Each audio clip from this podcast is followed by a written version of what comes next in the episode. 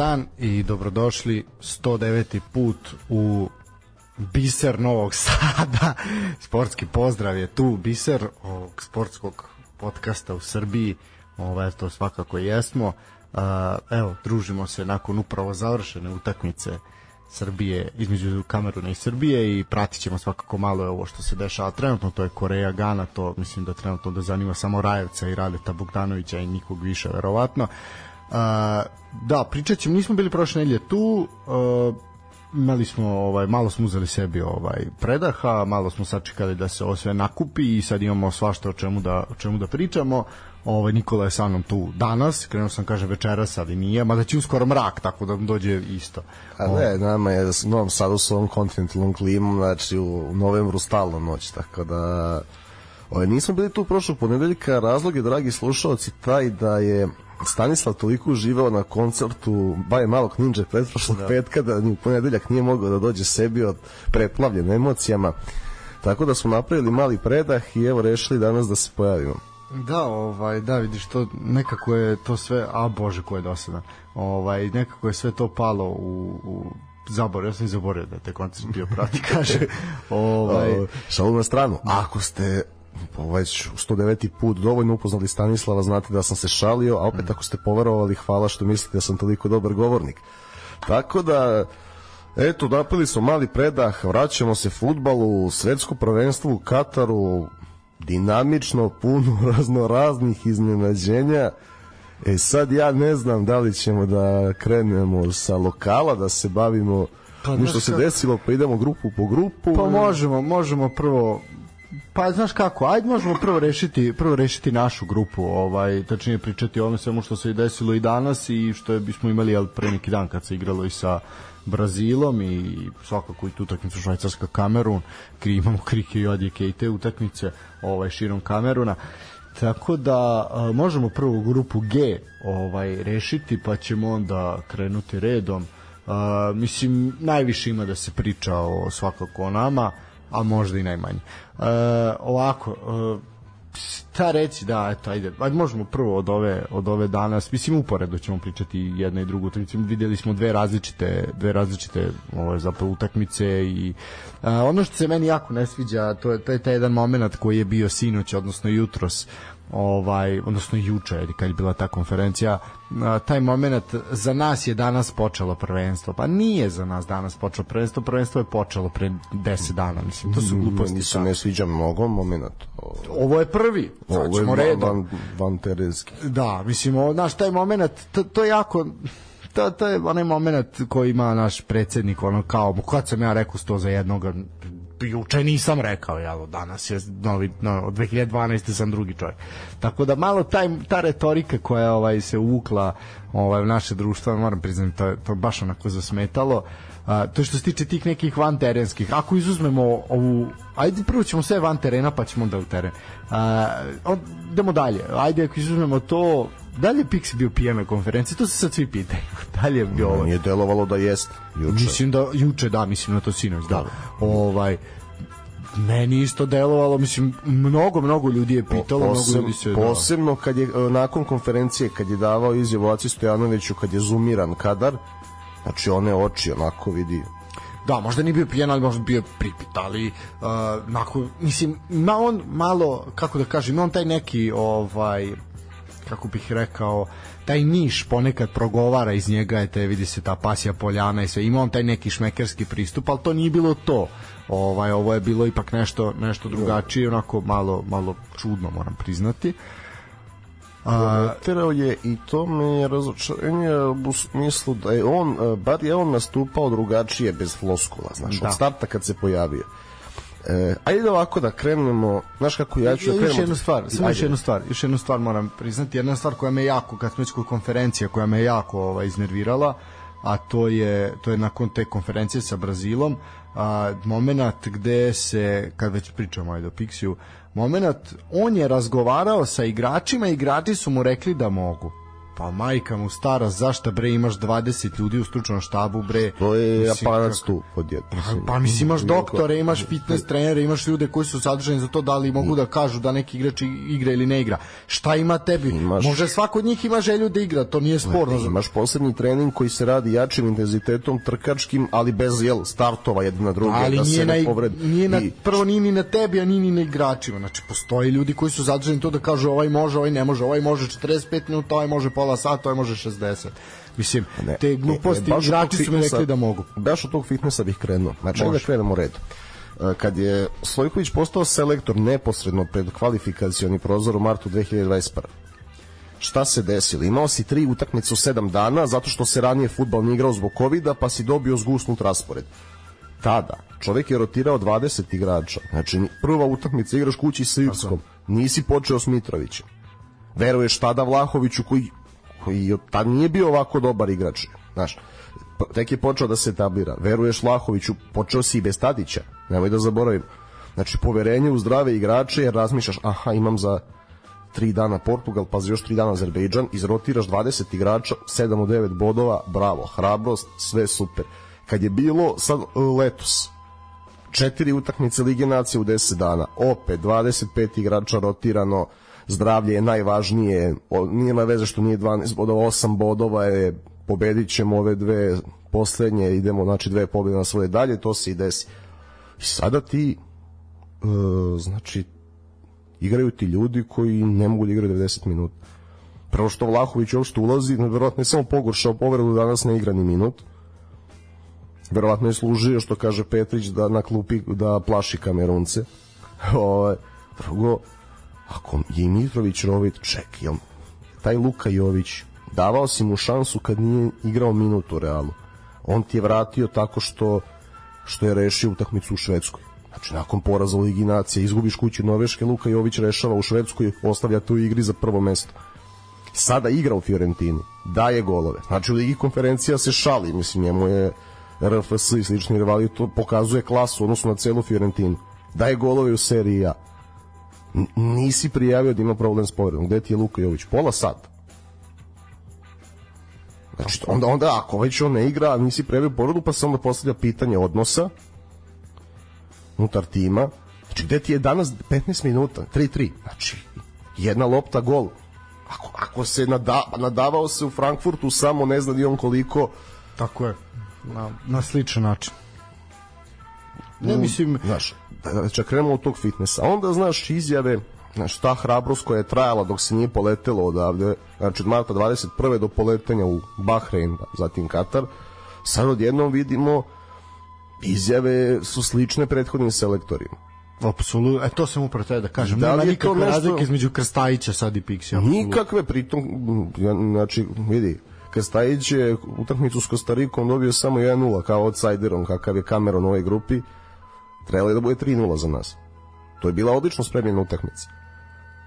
Problem je nastao u neprilagođavanjima na 1-0 kad si vodio protiv Švajcarske, što su ti sakrili loptu sa nekim promenama, nisi se prilagodio. da ne idemo ne, ne, daleko, da. ti kažem, ali nije bilo ovako, nije bio vašar. To je bio poraz, pa je vašar nastao u odnosima nakon jednog poraza od 2-1 šo- protiv Švajcarske koji, nije, koji je loš, ali nije sramotan. I tad je razapet šta je ovo? A šta je, evo, mislim, kako to, znaš kao, prvi put, uh, ajde, moramo, jako je bitan, bitan faktor je, je biser pustinje, možemo se mi sprdati sa tim, ima momenta i da se sprdamo, to ćemo svakako posla, ali pričamo ozbiljno. Znaš, u takvim emisijama se kreira uh, mišljenje javnosti, odnosno ono se artikuliše, ovaj, jer da se mi ne lažemo, RTS ipak gleda, danas je gledala cela država. Ima stizale su slike da se gledalo na radnim mestima, po firmama, što državnim, što privatnim i tako dalje i tako dalje. Znači danas je realno država manje više stala da bi se gledala. I šta se onda dešava? Onda dođe Rade Bogdanović koji tamo sedi, evo čuo sam da koliko je rekao da večeras neće biti ovaj posle na ovaj, u večerašnjem izdanju Bisera pustinje, ovaj da će odmarati večeras i neka ga malo na Ja sam odmori. mislio da da nas zada polupa studio kao Dino Dvornik od Malnara sve vreme. Ovaj, I on je, on je izjavio jednu stvar koja sad mene onako, ok, jeste on u pravu, ali sad će to prouzrokovati neke, neke druge stvari. on je izjavio da je ovo apsolutno utakmica izgubljena, mislim izgubljena, da bodovi su prosuti i da je najveći krivac selektor jer je pustio taj vašar, jer dozvolio i tako je. Uh, igrači su jednostavno postali kao divlji, ponašali su se kao na terminu. Znači, vi ste imali konstantno 4 od 5 igrača Kameruna na, na našoj polovini, a naših šest igrača na njihovoj čemu, šta će nam šest igrača u napadu na 3-1 mislim, ba, i pritom svi su hteli da budu heroji, svi su hteli da postignu pogodak, znači taj onako sebično, sebično, sebično, svi redom. Baš je bio vašar, trebio je potreban ne, potrebna je čvrsta ruka, a zato je tu Pixi jeste kao autoritet, da kaže, alo bre ljudi, šta radite, bre, stani bre nazad, ono, mislim, ili u krajnju da napravi izmen. Uvođenje Stefana Mitrovića je kriminalno, to mislim, ok, jeste Pavlić može izaći zbog povreda, ali zašto onda nije dobio odmah Babić prostor? Pa to, da kažem ti, sad i mi mi nabacujemo. Ne, vidi, Rade je rekao ono da, što jeste. Da, ja sam skrenuo da, Rade, ajde, da. ne, doći ćemo, ja, idemo sek, po sekvencu. Rade je rekao ono što jeste Znači, on se ne libi nikada da kaže šta misli. Da. Slagali se mi sa njim ili ne. Ili tako. Ali šta će sad njegova izjava? Jeste, ali šta njegova izjava sad će sad učiniti? Umesto da sad malo... Činit će ono što, možda i bolje. Bolje, vidi, najbolji scenarij je ovo da može za tri dana, četiri, Dragan Stojković da kaže da pobedi Švajcarsku i kaže a gde je sad Rade Bogdanović? To je scenario koji bih ja najviše voleo ako će da prouzrokuje nešto ako smo i ole pameti. Ali je rekao kako jeste jer ja nije samo vođe, loše vođena utakmica s kamerom loše vođena i s Brazilom ako mene pitaš. Ok ali ajde kao jer, šta sam se ja uzdao? Opet da. mi smo imali različite utakmice od kada je Pixi selektor. Neke smo dobro otvorili neke nismo. Ali su izmene to svaki put pogođene Da li su to ove utakmice kao u Norveškoj gde sve ide pa ih lepo zatvaraš ili one kao u Portugalu gde ne, gde ne ide pa okrećeš? Ili Portugal u Beogradu kako okrećeš 0-2? Znači, ili to poverenje, recimo, mi sad, sad je naš, uh, imaju neki igrači kredit kod Pixija, recimo sad Tadić igra 90 minuta, nemoj da zapazi, a u tom prvom prozoru nije počeo sa njim Irsku, dobio je i na 1-1 u Azerbejdžanu gde svi ono pritisak treba da ono upisa na tri boda unapred nakon dobre igre u dve utakmice u Beogradu, pritisak, on vadi Tadić na 1-1, gura Sergeja napred i Sergej i Mitar to rešavaju, uzimaju se još tri boda i ide se dalje. Znači, gde je ta hrabrost nestala? Znači, onda protiv Brazila, prvo šta će ti Radonjić ako igraš plitko? ti znaš da on, i dečko ide unazad u 16 tercu da Vinicius ne ostane u offside-u, šutira neometano, Vanja je odbranio jedan šut, drugi je bilo nemoguće da odbrani i to je to prvo ta izmena. Pa onda to panično, znači pravi, i to praviš dve, pa onda praviš panične dve samo zato što si primio gol. Sad, čak, jel ti veruješ u nešto što si izmenio da igraš ili ne veruješ? I to mi je, znači te izmene su mi čudo. Ajde da se loše uđe u utakmicu, to može svakom da se desi, da te protivnik ne iznenadi, ali ta adaptibilnost Pixija koja je krenula od marta prošle godine je nešto u što sam se uzdao na mundijalu. Sad je ne vidim. I kažu ti opet, de Luka Jović. Onda ajde da, ovo što si krenuo danas. Znači da krenemo od prve izmene Znači, pazi, evo, primio si gol kako nisi smeo da ga primiš. Prvo panika. Ok, desi se, ajde. Ajde i to se desi. desi. I što je? I to ne utiče na igrače. Nego ti, o, znači, samo je trebao taj prvi gol da se da, da se još malo opusti. Odčepilo Čim je došao da. jedan, došao je drugi. Počinje drugo polovreme, dolazi treći. Iz kakve akcije? Pazi, e, to, to. Aj sad samo trenutak ćemo se zaustaviti na, to, na tom trećem golu seti se kad smo dali takav gol. Kad se zadnji put dao takav gol. Znači, to je nešto što je bilo ok, pazi, takva pas igra, takva smirenost. Ono što je Aca Stojanović lepo rekao, smirenost, da, da je on video čoveka da nije srljao, nego mu je pustio ovaj lepo bacio. Mislim, sve to sve, i sve je to plod onoga što on radi od marta prošle godine. Apsolutno. Mi smo ličili Igra na tim. sad. Povređuje se Strahinja. Ajde. Znači, i to razumem da se odmah, čak i da je Strahinja možda mogao da se napravi izmena predostrožnost trebati za Švajcarsku, što si vodio drugog levog štopera ne znam, precrtao si možda Mašovića, razumeš, a poveo si Babića zbog leve noge, pa sad ti treba. Znači ti automa i posle uvodiš vadiš Veljkovića da bi uveo Babića da bi se Mitrović pozicionirao, pozicionirao samo centralno jer to može da igra, ne može da bude bočni štoper. Znači automatski sam sebi si ocekao jednu izmenu gde si ne znam, mogao da uvedeš nekog drugog. Znači to je jedna izmena. Drugo, zašto se vadi Sergij Milinković Savić nakon današnje ovakve igre? Treba ti Grujić, ali umesto Maksimovića. Maksimović 90 minuta, Tadić 90 minuta. Potpuno nejasno. Kostić videlo se pred kraj da gubi trk. Nema snage, da, jasno. Odao je sve što je mogao. Drugo, iznervirao ga, je- pazi, Mitrović mu u prvom poluvremenu četiri puta ne doda loptu, sam je levo. Jednom mu doda loptu, iz dalje akcije postiže gol. Znači, Mitroviću jeste dao gol. I tamo pomisle, rekao, evo ga, dao me. Samo da, da više ne unosi nervozu, ne, on nastavlja. I posebno na 3-3 opet nastavlja, traži loptu, hoće drugi gol. Šta hoćeš? Pritom taj sebični, 51 si dao. sebični, sebični moment 51 gde, je, si dao za gde reprezentaciju. smo imali ozbiljnu šansu za četvrti gol gde je bio sebičan, gde nije hteo da pusti pusti na, na, u, ka sredini kaznenog prostora, znači tu bi se rešilo. Znači, ovo je ali to je to što sam rekao, onog momenta kad smo prestali da igramo kao tim, kad smo počeli da budemo heroji, kad se igrala se gruva statistika, Neš 3-1, znači nulirao si gol razliku. I sad, Da. ako je, pazi, a pazi, pre turnira svakako računaš na to da pobediš Švajcarsku. Znači ti ne moraš da juriš 4-1, a Kamerun je svakako raspasana da će ti iz kontre doći neka šansa. Znači prvo, ne, ne mislim da se nabiješ vanji u krilo, ali malo pomeri linije. Znači da ne moraš da trčiš toliko ne da budeš na sprinteva. 60 metara od gola. Ne, onda možda ti igra i Stefan Mitrović ako igraš plitko. Pa Ali ovo ovako, da on bude bočni štoper, da, da ti Da on ima trk da stigne ovoga, valda, aj beši. Mislim, to je suludo. Saša Lukić, tečko jada, ne zna, ne zna drugu utakmicu o čemu se radi. Gleda zbunjeno u drugim poluvremenima. Igra dobro, otvara utakmice savršeno, najbolji nam je, najkonstantniji. Ali, opet kažem ti, ne znam.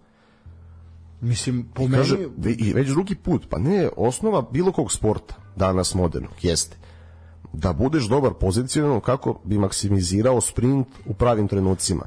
I kaže ekipa deluje nespremno. Nisu ni došli nespremni u Katar, oni su prespremni za svoje klubove kad igraju. Osim ovih par što su imali mehaničke povrede. Da.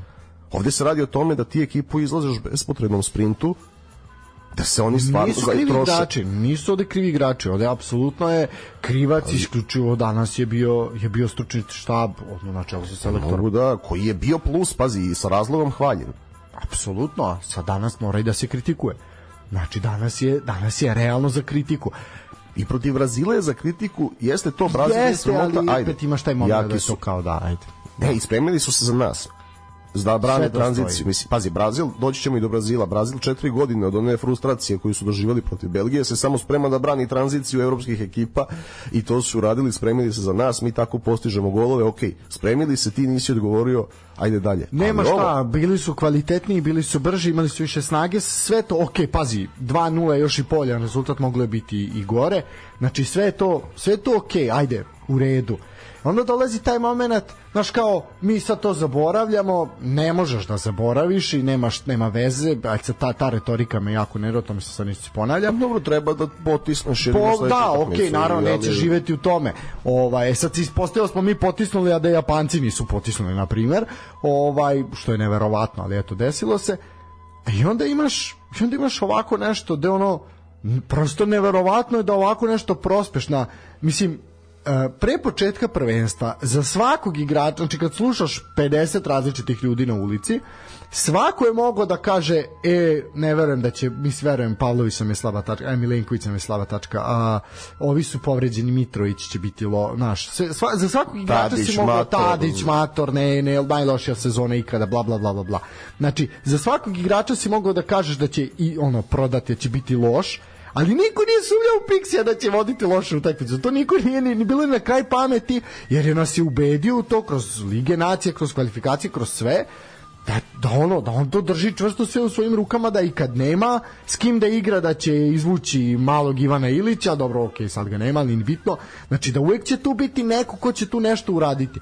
I ti sad sediš njega nema. On je sad meni je Pixi danas izgledao kao lalat na onim utakmicama kad se ne pojavi. Kad sedi na klupi i pušta da ga ovi razumeš čereče i da to ne, ne liči ni na šta, da nema trenera. I onda se još ne pojavi na konferenciji kao ima stomačni virus. To je recimo u lalatom stilu. Pixi se pojavio i opet mi je sramotno da nije, mislim prvo Pixi čovjek ima 60 i nešto godina. Kako te bre nije sramota da, ne, da mene bi bilo sramota da kažem, je znate šta ljudi, da svalim na nekog drugog. Sad on opet danas prebacio krivicu na nekog drugog. Da li će iko ikada u ovoj državi ili u bilo kojim sportskim sistemima, osim možda Željka Obradovića one godine, izaći i reći u čemu je problem? A ne, znaš kao, reći, ok, ja sam pogrešio i- utakmicu, idemo, bit će bolje i dobro. Zašto je teško priznati da se nešto pogrešno uradio ili da nisi uradio? Nego se uvek skreće negde sa strane. To je meni ne, neverovatno. Evo, Gana je dala go za 1-0. Ovaj, pričaj pa ćemo. Samo mi reci strelca. A, sad ću ti reći samo trenutak, samo da mi, pošto mi kasni stream, ovaj, pa mi aplikacija označila, sad ćemo vidjeti ovaj, ko, je, ko je dao gol. 24. minut u toku, evo, o, centaršut je nakon prekida sa leve strane, ovaj, u kaznenom, a verovatno su ih nadskočili, sad ćemo vidjeti. Tako da, mislim, aj dobro, Južna Koreja možda najtužnija to reprezentacija ovaj, do sada dugoteže se izvođenje, da, centar šut će biti Aju, će izgleda centrirati, ništa, dok čekamo. Dok Ba, ne dobro, da, dobro, ovaj, ništa, ali mislio sam da si, da si vidio. Ne, samo, evo ga, da, ba da, centar šut u peterac i pala je lopta, bukvalno S- tri sa igrača. sa Lisu i sa Utemkom, Ma da. da. Ali pala je lopta u peterac, tri igrača Gane su, mislim, nema nijednog odmivenog igrača, ono, samo su pitali su koji će po- pogoditi, tako da... Dobro, dobro, pokazali su oni protiv Portugala. U, to ćemo pričati taj moment protiv Portugala i bezobrazluk Bukarija, to, to je svakako nešto za priču. Ništa, ajmo nazad na nas. U suštini, utakmica se u petak igra protiv Švajc- Švajcarske, ali sada bi to imalo zapravo nekog smisla i značaja, moraju Brazilci da pobede danas Švajcarsku u 17 časova, evo 17, da. Ovaj, tako da je to nama sad bitno. I opet smo napravili sebi da od gotovog smo napravili veresiju. Mislim, ono svi što su rekli kod u kogod je bio i Vjetrović i Rajevac, kog su uhvatili ispred stadiona, svi, svi su rekli šta da da je... kažeš? pa šta da kažeš? Da, kažu, znači imaš 3-1, imaš igru u tom momentu. Delo je da možeš da daš šest, delo je da si ih završio. I pazi, ovo je, ako uzmeš gol protiv e, Švajcarske i ova dva, ovo je treći gol na svetskim prvenstvima da Bleki Milenković ostavlja igrača u igri da. umesto u offside. Znaš, Ah, da, da, te offside, mislim, ono, posprdali su se sa nama, sa tim offside ovo je zamkama. baš, da. ja, kažem ti, mislim ne znam kako offside zamku ti pokušaš da napriš na, na 50 metara opet je to malo malo neshvatljivo izgleda da igrao rukom neko tamo možda će biti gol i poništen A, sve u svemu, da, taj moment, ma kao, ma, ma ko se ložio protiv Brazila? Pa nismo mi kao, mi smo protiv Brazila. Što je da smo mi jebote živjeli u istoj državi prethodnih nedelju dana? Svi su se ložili. 80% anketiranih, ne kažem da ne treba, ali zašto sad pričamo gluposti? Kao, ma nismo mi, kao, nismo mi ništa očekivali protiv Brazila. 78% ljudi na anketama ovaj je glasalo da ćemo pobediti Brazil. Šta bre se nismo ložili? Šta pričate? Isto tako će sad, ali tako će sad biti poskavana. Pa kao eto, znate, pa eto, mi smo išli sa tim da nam je protiv Švajcarske odlučujuća. Za nas, za nas tek danas počinje ovaj svetsko prvenstvo što je rekao Oskar ovaj poslao poruku odličnu ovaj rekao za nas matematičare večeras počinje svetsko prvenstvo da, da. pa ne mislim ono A, zašto to radimo ne, i treba to se i treba se uvek ložiti kad je A ne sport kažem da ne treba. ne ne zato što sport za to malo i služi kad pobegneš od Sve to stoji. posla računa plaćanja od prvog do prvog za to sport i postoji sve zato to stoji. ali nemojte onda pričati I da se posle- nismo ložili kad smo se ložili mislim. to je ob, pazi, normalan obaveza poštenog čovjeka da se loži pred svetsko prvenstvo i kad njegova reprezentacija ne igra mora se loži da ga gleda a tek kad njegova reprezentacija igra posebno I znaš kao napadaju, ne znam, Albijanića, napadaju, ok, ali nije njegov posao je da napravi taj neki hajp oko svega toga da bi narod malo počeo da se loži. A sad, šta je, na šta je koje sad? žice on što to... Albijanića, šta je A ne znam, i Albijanića i ovoga, a kako se zove ovaj stadio Beograda, ne mogu sad, što tamo pisao stihove, mislim, bilo je svega.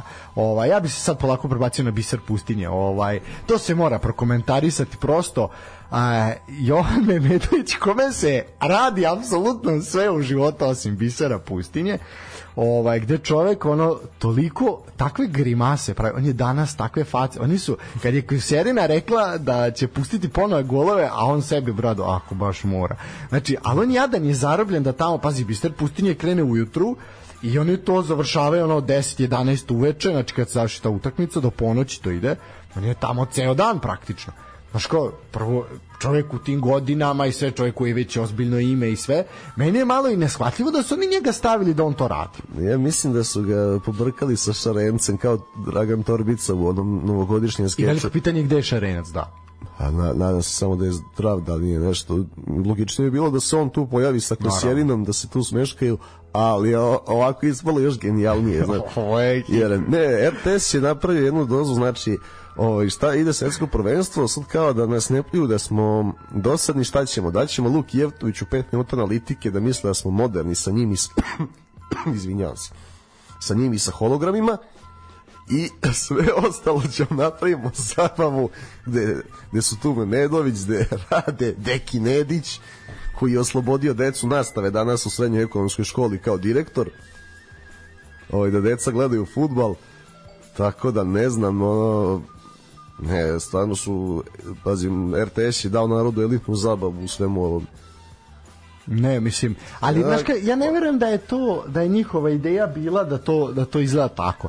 Mislim da je to se malo otrglo od kontroli. Ali sad kad kad su videli šta je, onda su dali shvatili, da. dodatno po sad, po da, gasu. Ajde sad. Ovaj, znači prvo Memedović koji je ono vid čovek i onda danas kad je rade, ne znam, kad su pričali o psihologu i tome sad kako se treba vratiti nakon ovakvog meča i pripremiti se poslije, onda je Memedović rekao eto kao možda ćemo ugostiti. Mislim on, on, on totalno, on je ono hazarderski totalno, on se toliko sprda sa svim tim da je ono toliko ga ne zanima, ono vidi se da je zadnje prvenstvo koje je očigledno prati ono tipa možda 98. da ono prilike.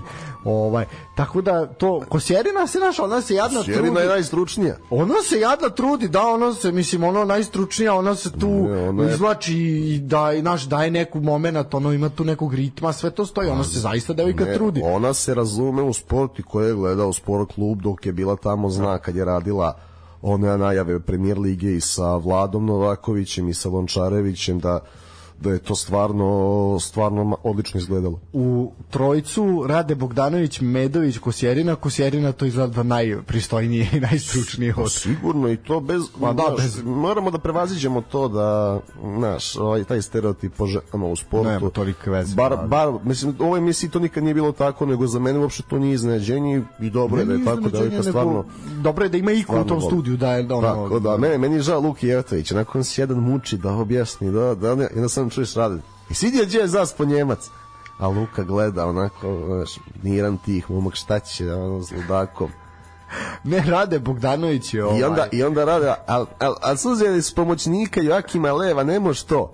I onda Memedović gleda, pa Joakim Lev je bio pomoćnik Jirgena Klinsmana, a Hans, mislim, Hansi Flick je uzao triple krunu s Bayernom, kao to čak i Memedović zna, ono, a ne. Pa ne, mislim, naš malo je to, ovaj, da Rade Bogdanić ima taj moment da će ispasti uvek najpametniji jel ovaj ali dobro da mu je uvek kritika prva misao Da, da, ovaj, ali je on danas bio sasvim sasvim u pravu. Ovaj Vjetrović je mislim ne, ovo, ovo je dan za njega kad treba da se kritikuje. Znaš, da, onda da onda njega treba dovesti, da, ali da bude baš svaki dan, ali malo su izgledani RT, RT su shvatili ovaj da je on ono isto izvor zabave, da će ga ljudi gledati upravo zato, zato što mi jesmo takav narod, ono, prvenstveno kritičan, ovaj, tako da Uh, idemo na meni naj možda najomiljeniji deo, ovaj odnosno segment uh, Bisera pustinje, a nije Dejan Nedić, a to je javljanje hologramom iz pustinje ovaj koji je to je toliko blamantno da ja ne mogu da opišem. I ajde okej, kao javlja se hologramom, tu ima sad odbija. Ako su kao misleće nekog prevariti, ja mislim nisu.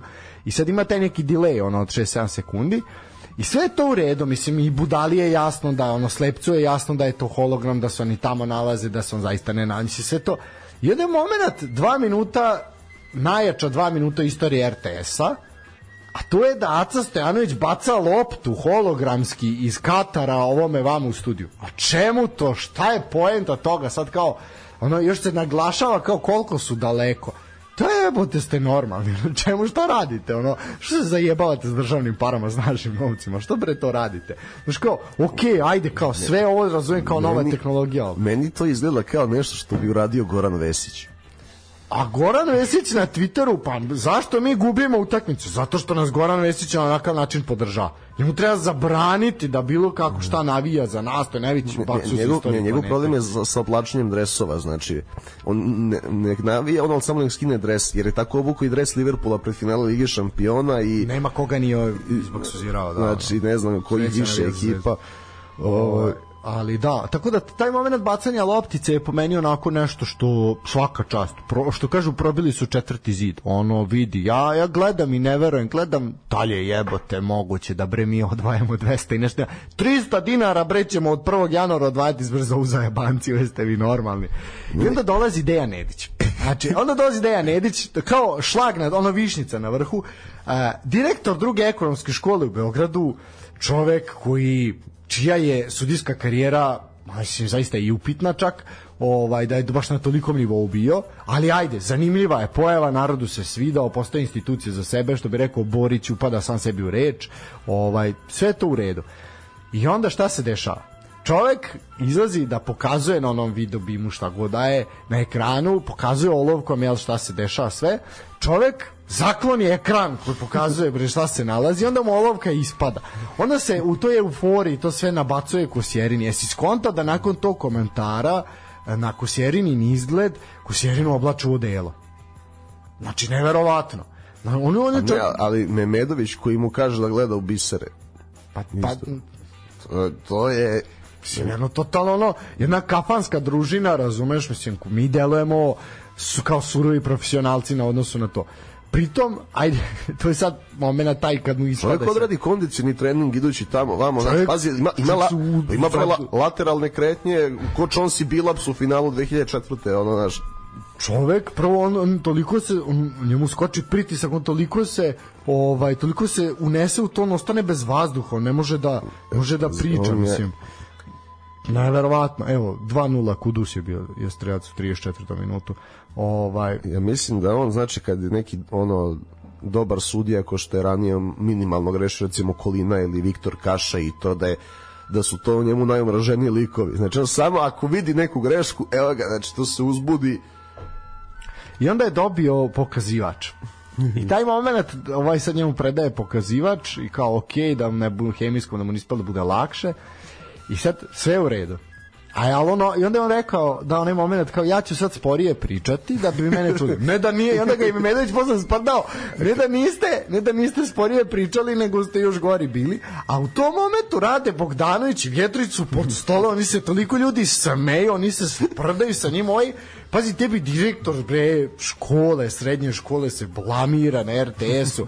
Razumeš? Znači neverovatno dokle to Pazi, ide. Beki Netić nije zlonameran. On stvarno hoće da Na... da prikaže i nova pravila i znaš, on je već tu nekoliko godina i sad bilo je mnogo promena pravila, pa kako funkcioniše VAR, kako stvarno je čovjek u tome i hoće to da približi, ali o, Znači, ta retorika je onako... Kriminala, znači, pritom što on zaista, što ti kaže, on se toliko trudi da sve kaže, on toliko toga ima da kaže i onda zato upada sebi u reč, mislim, ona artikulacija misli katastrofa. Ne, ali, ali kad, znaš, kad, ovaj, kad možda on pobreša dve akcije ili misli da je akcija trajala kraće nego što zapravo jeste, to je i onda znaš kada i onda evo ovo e, evo vidite e, ne još malo ne, još malo evo vidite ovde sudija greši mora da svira Čekaj polako. Pa ne, a pritom on bira, on mislim on sedi sa ljudima koji seku, to je sve i bira, znači pa video si bre već to, znači nemoguće da ono ne znaš o čemu se radi. I onda momenat sledeći sutradan dolazi Dejan Švaba Đurđić koji je relevantan da bude stručni konsultant otprilike koliko i mi, ovaj jel tako ima zavidnu trenersku karijeru i dolazi i poklanjamo laser I to je to. Tu nastaje totalni kolaps i onda sad kaže Nedić pokušavam da s laserom, naravno to se ništa ne vidi. O, onda ga Nedić ipak malo ajte vi pokazivati vašim pokazivačem. Znači jedan totalni cirkus od svega.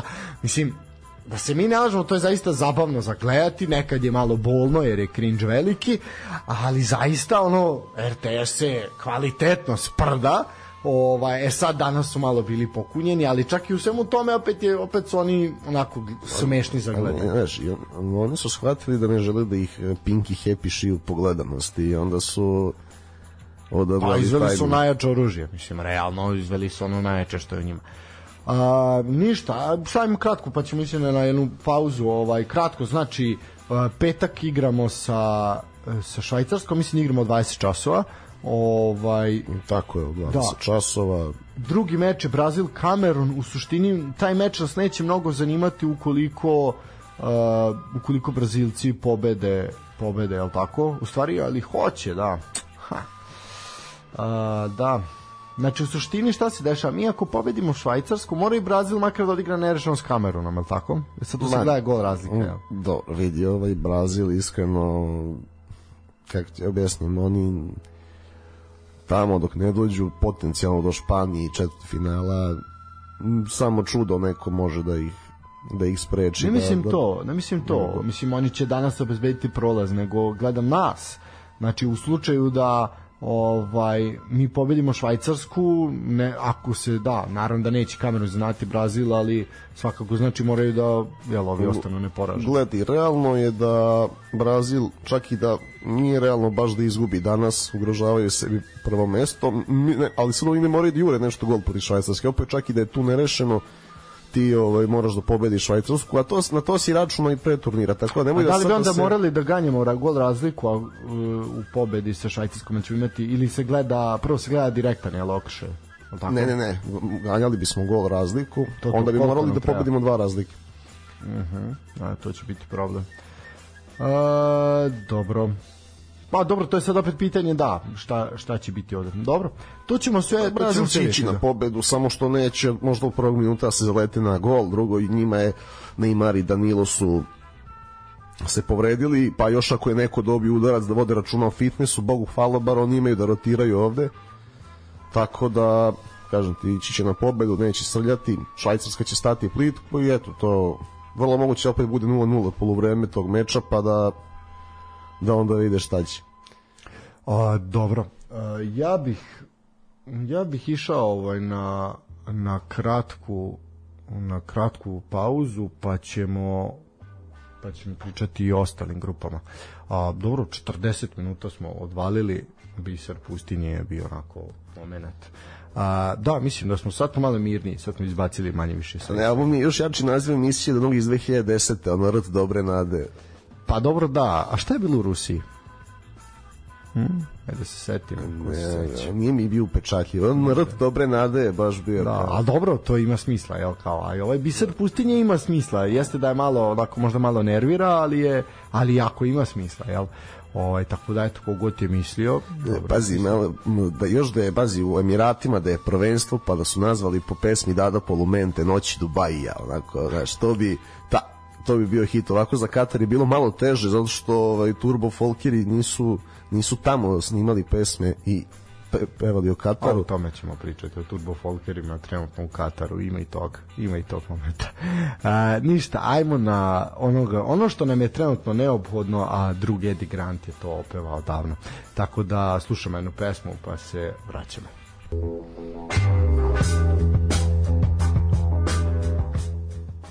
E, nakon Eddie Granta se vraćamo, vraćamo u priču. Uh, ispričali smo manje više što se tiče nas. Ajmo, ajmo sad redom. Uh, idemo redom od grupe A. Uh, šta, ajde sad nešto ovako uopšteno. Uh, dosta je priče. Ne, idemo o svemu Da. da. uopšte neki na naš način, na naš kako, evo, ja ću odmah da svedim, pošto slušalci sad su se već navikli na mene i znaju koliko umem da budem analitičan i Pa, to nećemo. e, e, baš zato. Ja i ja baš reprezentativni klub je drugačiji od klubskog i tu znaš kad dođe mundijal ta a, lepota i čar šarolikost kontinenta i ostalo i onda tu bukvalno volim da se opustim ne gledam ne odubljen se toliko jer a, reprezentativni futbol prvo nema toliko kompleksnih mehanizama jer se nema vremena i drugo što nema pravila. Mislim gledali smo i juče i Kostarika Japan. Da, što, pa, znaš, mnogo je da, takvih svako. utakmica gde igra ne presuđuje, nego jednostavno... Naravno, zato i kažem, idemo redom i ono neke utiske tako, ovaj, šta smo videli. U suštini ono prvo što se primeti je da stadioni uglavnom i nisu puni i to je negde onako malo razočarenje, ali s obzirom šta je sve pratilo ovaj ovo prvenstvo, je svakakve e, priče i oko radnika i svega i mislim što je na kraju istina i uopšte ta a, dosta dosta se trude različiti mediji, ne mislim na naše naravno, nego na svetski da e, puštanjem dokumentaraca o tome koliko je FIFA korumpirana, kako je to sve, ovaj, al šta se sve radilo da bi Katar, koliko para je Katar dao, mislim, te, ta, ta svota novca koju je Katar izdvojio za svetsko prvenstvo, mislim, ono koliko, ne znam koliko puta više nego u Rusiji koje je bilo, jel, ovaj, koje je do sad bilo najplaćenije, tako da, ok, ajde, sve to, sve to na stranu, imamo uh, lepo svetsko prvenstvo za sad, ja zaista uživam, Uh, ono što je negde novina uh, što treba spomenuti to je da imamo taj uh, taj moment kod ofsajda sa varom koji za sad meni deluje sasvim pristojno i sasvim lepo to lepo to funkcioniše. Onako čak čak malo malo ovaj onako prija mogu reći. Uh, nadoknada vremena, e to me zanima šta misliš o tome, znači imamo taj moment da se sve nadoknađuje i da nam utakmice traju po 100 i nešto minuta, kako ti se čini to? Misliš da je to opravdano? Da, to je opravdano i posebno ove, sad vidimo već da su uglavnom nije više po 13 minuta, sad da, smanje polako da. ne, ne, ali zato što su ekipe shvatile ne, ne može da ležimo. Ako je Pierre Luigi Colina time želeo da pošalje poruku, uspeo, uspeo je, da. I ovo plus ovim poluasistiranim offside-om, sjajno, tako da ga ja molim ovaj, ne čujem, ali ga molim da to prenese i na Ligu šampiona i Lige petice koje najviše gledam. To samo ispada da vidiš koliko se zapravo vremena gubi ovaj to ono što se priča. Ja mislim da je ovo odlična ne, stvar. To je mislim da poruka, da ovo... nemojte da se izležavate, vaćerite, igrajte fudbal. Pa, ali upravo si, to je trajalo dva dana, već treći dan je bilo 4, 5, 6, znači nema, jasno su ljudi su shvatili da nema to nema smisla. Ekipe su shvatile. Naravno. I sad ono što je bitno, ajde okej, okay, bilo je onih zaista, u to prva dva dana je bilo onih jezivih povreda, ovaj prvo onaj Iranac je ovaj jel slomio nos, pa je onda ovaj momak iz Saudijske Arabije zaista fasovao onako gadno a, ali dobro tu je tu je nadoknada da kažemo bila bila opravdana jasno takve stvari kad se dešavaju. A, publika, da, pojavio se taj moment te plaćene publike ispred stadiona koje je toliko smešan, ali ajde kao u redu da se stvori. I ti imaš konstantno je kako koja, i neverovatno je sad malo kako mi više znamo o tome, da su to stalni jedni isti, jedni isti kadrovi, znači jako iz daleka se snima, ti vidiš na isti način zastave se viore, gotovo identične zastave su, znači identičnih dimenzija, sve, sve, sve, sve, sve Ovaj pritom to su ljudi iz Pakistana, iz Indije koji su plaćeni da budu navijači, sa tim imaš Pakistanca koji navija za Nepala. Ne, da, naravno. U Mandžukićevom dresu, ko, ko će dati gol, pa on pokaže na dres, ovaj četiri godine ne igra. Da, ovaj tako da naš to je to je malo malo eto onako, ali znaš šta je sad tu tu meni onako dobro i to su tome se jutro s Daško i mlađe pričali kao sad zamisli neko ko navija za Srbiju razumeš i ono kao toliko se omađija tom našom pričom i da dođe ovde počne traže Dražin grob razumeš ono kao totalno se prebaci na, na ono, kao shvati da su mu koreni ostvari odavde i to, to bio dosta,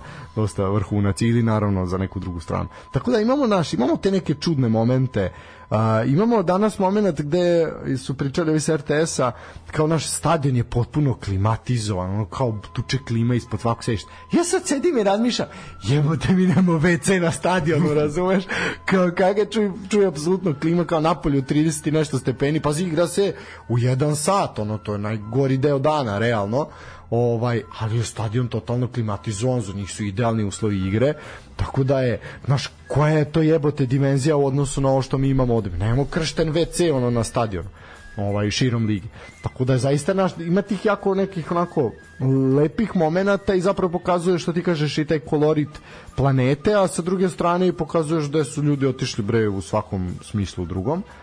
Uh, Katar jeste otvorio uh, Evro, o bože, svetsko prvenstvo ali Katar kao zemlja domaćina ono možda i do sad jedina zemlja koja je najmanje pokazala svih čak i ta Južna Afrika je te 2010. godine nešto više pokazala u odnosu na kako nije pa no. pobedili Francuze odigrali X da ta Francuska bila kriminalna pa dobro, da. iskoristili šansu odigrali X sa Meksikom Ali recimo to je bila to je bila prva prvenstvo da ljubimac Dragana Đurića Sifive Šabalala. Ali to je bila prva reprezentacija kao domaćin koja nije prošla grupnu fazu. E sad uh, Katar ne samo da neće proći grupnu fazu, nego je ono pitanje šta će uraditi.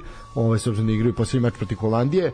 Tu je imali smo sjajnog Valenciju, tu to je meni onako sjajan momenat u tom prvom meču, čovek je onako pokazao pokazao klasu uh, Holandija, šta očekuješ od Holandije? Ono, da ja negde po meni, onako ja ću navijati za njih, pošto ovi naši će vjerojatno ispasti, ovaj, ja ću negde navijati za njih, meni onako deluje poprilično simpatično. Uh, Louis Van Gaal, koja je 13. put kao selektor. E, ba zbog njega samo ne navijam za Holandiju. A misliš da, ali ne vidi, mogu da ga, ali moment da je Edgar Davids u crnim, molim te taj moment, znači onako full odelu i crnim i sunčanim naočarima sedi pored njega, vidi to je nešto ono to je to je vrhunac. To apsolutno, al ne, eto, znaš kako, oni su pravili super priču sa Kumanom, pa je onda bar se iskoristila Kumana na sentiment da potroše legendu dok restrukturiraju klub i onda je, eto, sad opet posle svetskog prvenstva će reprezentaciju da uzme Kuman za da, Evropu. Da, znači, ne, to je, tako da za Van Gala ne mogu da navijam nikad, a što se tiče Holandije, m, vidi, ne bih se iznenadio, znači dobili su najlakšu grupu, imaju otvoren put ka četvrt finalu, ali se ne bih iznenadio, znaš kako, pazi, sad oni to finale mogu igrati sa, opet, neubedljivom i Argentinom i Poljskom već, a opet ili možda, možda je s ove druge strane sa Danskom, s ove grupe, zavisi, ali ne bih se znadio recimo da oni budu sad ovde prvi i da izgube od Amerike u smini finalu. Znači, za da. Holandiju me ne bi ništa iznadilo, s tim da kažem ti, kad nalete na reprezentaciju ranga Francuske, Špan, ili to kad god to bilo, mislim da je to kraj. Kraj. A, dobro. A, mislim sad... da sada i ovakvi ne mogu i da je to tim koji se pravi za prvenstvo u Americi, nekako simbolično, oni su i 90 četvrtoj Americi pružili, ovaj, ostavili sjajan utisak iako su ispali u četvrt finalu, ali da nisu, eto, da su izdržali protiv Brazila, možda bi oni tad bili prvaci, ali eto, to je bila najava neke nove generacije, sad imamo opet Gak, pa imamo Čavi Simonsa i to neko društvo koje nadolazi, Gravenberha, koji nije sad u prvom planu, tako da za Holandiju posebno s Kumanom mislim da dolazi nešto dobro za narednu evropsku, a sad ne očekujem mnogo. Trebali su da izgu... pazi, oni su komot mogli da izgubiti od Ekvadora od Mogli su, mogli su. E sad nisu, ovaj, u to proti Senegala su to nadoknadi vremena, jel su rešili sve. A, oni igraju proti Katara u poslednjem kolu, mislim da tu nema nikakve priče da će oni tu uzeti bodove, da oni sigurno idu dalje, a sad Senegal i Ekvador će se, će se svakako klati za, za to drugo mesto ovaj, koje vodi dalje, sad na koje pozicije vidjet ćemo, ali definitivno definitivno da će to biti onako poprilično zanimljiva utakmica. Odlična I... utakmica i oba tima su nešto pokazala. Da. Tako da Ekvador mi deluje nešto stabilnije, ali eto, kažem, meni je žao što nisu jedan i dva te dve ekipe. Da, da, ali Da, misli sad to opet Ali Kodi, pazi, Kodi Gakpo je mnogo dobar na ovom turniru. Nije, nije ovaj isključeno možda da se može i to desiti ako se neko čudo baš desi, ali ajde sad kao da ne preterujemo. Nije, vidi, Katar stvarno nema, nema kvalitet, nije do onih Azijata koji imaju to u sebi. To je ono što će biti problem narednog mundijala, zato što se proširio na E, 48 ekipa, to, to a reciprocitetom, za kraj, ne, da. ne, reciprocitetom najmanje u za, za ekipe iz Evrope. Da, znači da, da bit ćemo puno azijskih ekipa. Katar, da. Emirati, da. Oman ili Kina, kogod to bićeš, imaćeš stvarno veliki broj outsidera. Sad imaš ono jednog za kojeg znaš da ne može ništa, a tad će biti mnogo više ekipa. Uglavnom, eto, Ekvador i Senegal zanimljive ekipe, kogod da prođe sa drugog mesta, ja mu želim sreću u smini finalu. Uh, što se tiče toga, ajde sad kad se ću krenuti, da sam mislio da to ostavimo za kraj, uh, ok, to se kre, ta priča se provlači kroz sve ove dane, takmičarski i sve, i onda, znaš, kao eto, pokazuju se azijske reprezentacije su ovakve, onakve azijske reprezentacije ne pokazuju ništa, a onda dođe Iran pa nalupa Vels, onda dođe Saudijska Arabija, Arabija pa pobedi Argentinu, tako da, znaš, ne mora to, ne mora to ništa, ništa značiti, ali definitivno da će se ovakav po meni savršen sistem koji na svetskom prvenstvu biti malo bezvezniji, to to stoji, ali eto, mora se, mora se kao ono što je napravljeno i sa evropskom, sa evropskim prvenstvom mora se malo razvodniti, jel? Ovaj da ima više učesnika, samim tim više TV prava i tako dalje i tako dalje. Uh, grupa B. E sad, tu Engleska, Iran, SAD i Wales. Uh, prvo pitanje, da li se očekuje više možda od SAD-a? Ja moram priznati da ovaj, jesam negde sam očekivao malo više, ali dobro, nije isključeno mogu dalje i dalje. Oni su zanimljivi, oni Jesu, se spremaju ja. za naredni mundijal s nekom novom generacijom, sad su tu da pokažu da znaju da igraju, a kasnije će biti malo više orijentisani ka rezultatu, ali ok, oni su bili, mogli su možda da pobede Englesku, što se mene tiče, su pokazali nešto više u toj relativno dosadnoj utakmici. Ja mislim da oni ciljaju minimum četvrt finale za četiri godine, a sada, kažem ti, ne bi mi iznadilo da opet ostvare ako pobede Iran, mislim da mogu da pobedi Holandiju ali ovaj, jedna zanimljiva generacija koja i još neki koji tek nadolaze iz mlađih kategorija kod njih to će biti za četiri godine jako interesantan tim. E sad pružio bi tiče... navijam, mislim, navijam za Iran da prođe ovaj, e, to. i brata Taremija. Ovaj, e sad taj moment što se tiče Irana pazi, e, pitali su ovog Mohramija što igra za, za Dinamo, su pitali kao, ok, kao, nakon što je bio izvučen žreb i to sve on je čovjek rekao, mi igramo protiv tri Amerike, znaš, ono, prilike SAD im je glavni protivnik i bukvalno će zemlja stati da se pobedi da, da se da, pobedi da, Amerika, ali oni i Englesku i Velsi te kako smatraju kao male Amerike, tako da je taj naboj izuzetno visok od njih, pogotovo što je politička situacija u toj zemlji sad zaista onako poprilično da, jeziva. To tako shvate. Oni su meni simpatični fudbalski od prošlog mundijala. Meni je žao što tada kada ve, prvo su malo sredično dobili Maroko, onda nisu imali sreće protiv Portugala da, da prođu grupu ali meni su i Maroko i Iran na svaki na svoj način simpatični bili i tada i sada, tako da ja bih voleo da malo u nokautu vidimo eto nešto novo. Potpuno su zasluženo pobedili Vels, to, to treba reći, potpuno bez, zasluženo. Bez dileme. Da, e sad, Vels je to onako tu zaista tanko, tanko, ovaj, nije zaslužio prolazak dalje, iako i jesu u igri još uvek. A, što se tiče, rekao sam, Iran, SAD i Engleska Vels, tu ovaj negde realno da će Engleska i SAD proći proći dalje, ali nije isključeno da Iran napravi dosta ne neporažen, pa je, pa je dovoljno. A, šta tu nismo da imali ono napucavanje, napucavanje Irana ovaj 6-2 u prvom meču. Kako se čine Englezi do sada? Pa vidi, znaš kako tu im se otvorilo, ne, znaš kako, malo mi je, mislim da mogu mnogo, ali da je Southgate upao malo u tu kolotečinu četiri godine nekih zasluga, da, da oni koji su s njim od prvog dana sa njim i, i poginu ako treba, znaš. Ramsdale je mnogo bolji golman nego Pickford trenutno. Ben White je najbolji defanzivac engleski, možda trenutno u Premier Ligi igra čovek i štopera i beka. Phil Foden Pazi, i na Euro je trebao više da igra, od tada je jedno 30% bolji igrač, jedan potencijalno jedan od najboljih engleskih igrača u istoriji, ne vidi teren. Znaš, sad, mislim, ja volim i Bukaja Saku da gledam, ali Bukaja Saka nije Phil Foden objektivno. Tako da mislim da Southgate sam sebi pravi problem selekcijom. Sad ima, imaju oni mehanizme igranosti, ako se postigne prvi gol, videli smo kako to izgleda protiv Irana, opet i nervozu ako se ne postigne. Uglavnom mislim da Engleska može da uradi nešto veliko samo sa tandemom Foden Kane.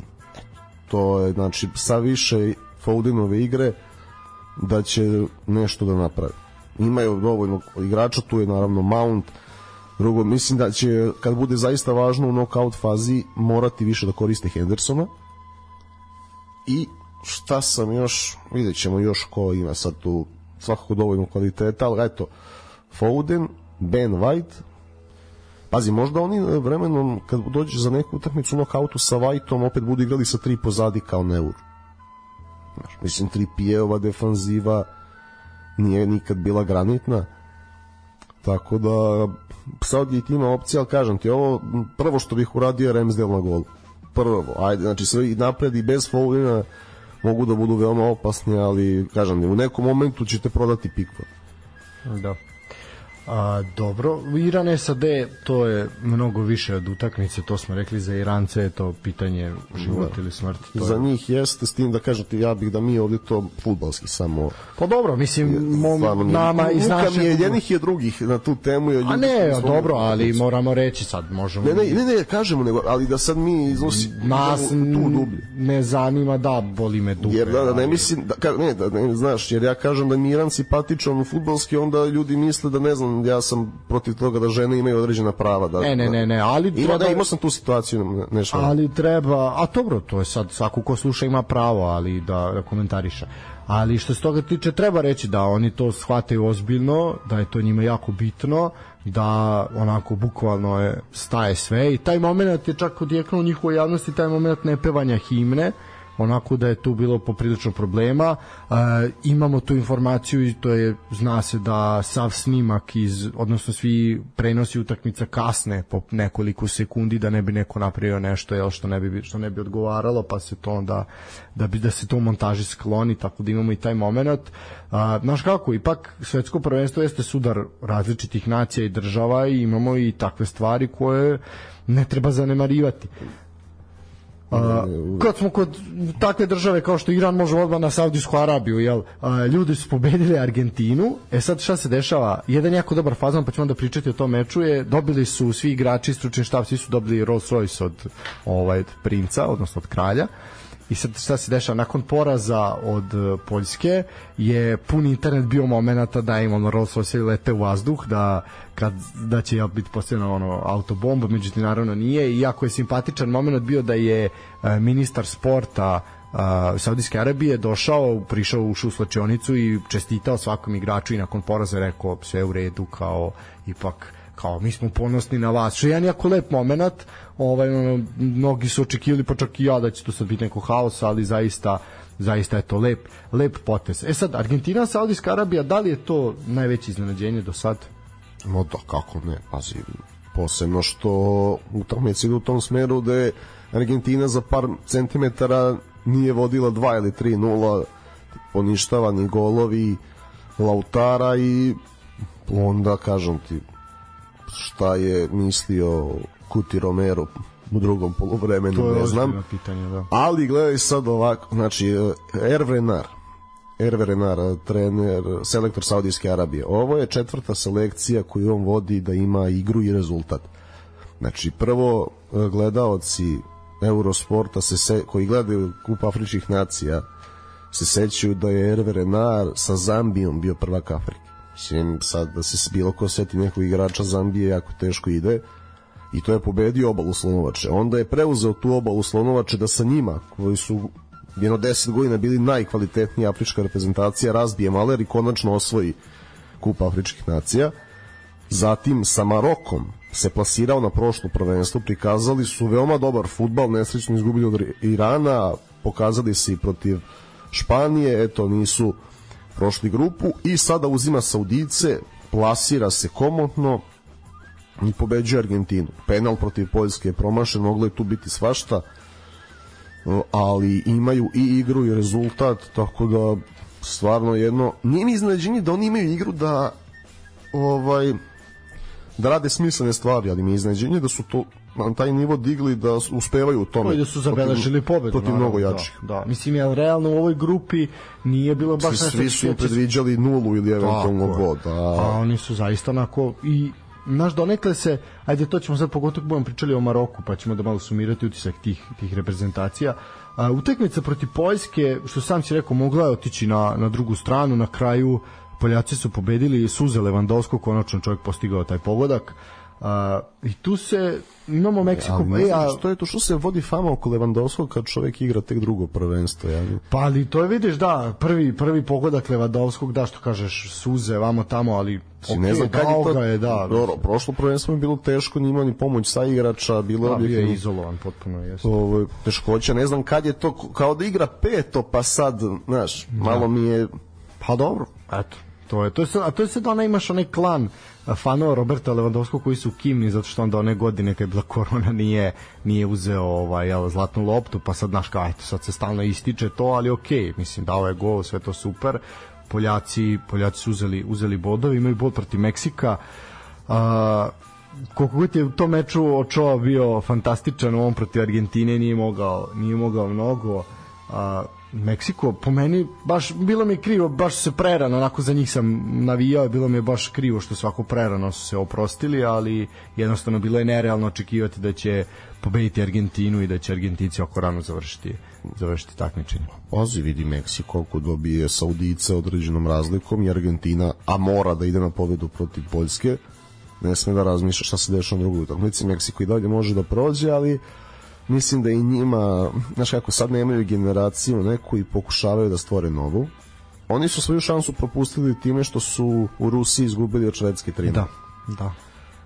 Jer onda, da su vidi, stvarno, ja nisam tada bio impresioniran Švajcarsku i, i mi, su, mi smo propustili šansu tako da da je Meksiko išao na Švajcarsku mislim da bi bio među osam, onda opet ono njihovo loženje pred Englesku, ko zna šta bi bilo, oni su tu propustili šansu, ovo je sad neka generacija u padu, Jimenez kojeg muče povrede, fokalna tačka napada, mislim to čim on nije počeo utakmicu znaš da ne mogu da zadrže loptu i Argentina igrala onako kako je morala da igra izgubili su prvi meč onda mi je bilo bitno da se opet moraš da daš gol ako primiš jedan iz tranzicije nemaš puno vremena tako da su možda je to delovalo nekome ružno, ali je bilo smisleno da u tom obliku slova U da brane tranziciju Vegu i Lozana i da čekaju svoju šansu i dočekali su kod drugi nego Lionel Messi mislim da on čovjek demantuje kritičare, ovo je sad već osmi gol na svetskim prvenstvima, tako da to da Izjednačio se sa Maradonom. sa Maradonom, i isti broj nastupa, inače I 21 broj, da, i broj nastupa i broj golova. 21-8, tako je. I ima šansu i da ga prestigne, mislim. Plus što je i realno. I mislim da Argentina je, znaš kako, za razliku od Rusije, Argentina je sada kolektiv. I drugo, imaš selektora koji se adaptira, znači on je promenio video šta, šta rade ovi odbrani protiv Saudijske Arabije, promenio je trojicu od četvorica, ostavljen je samo Otamendi, koji je Koji drugi je bio u reprezentaciji drugi da. igrač.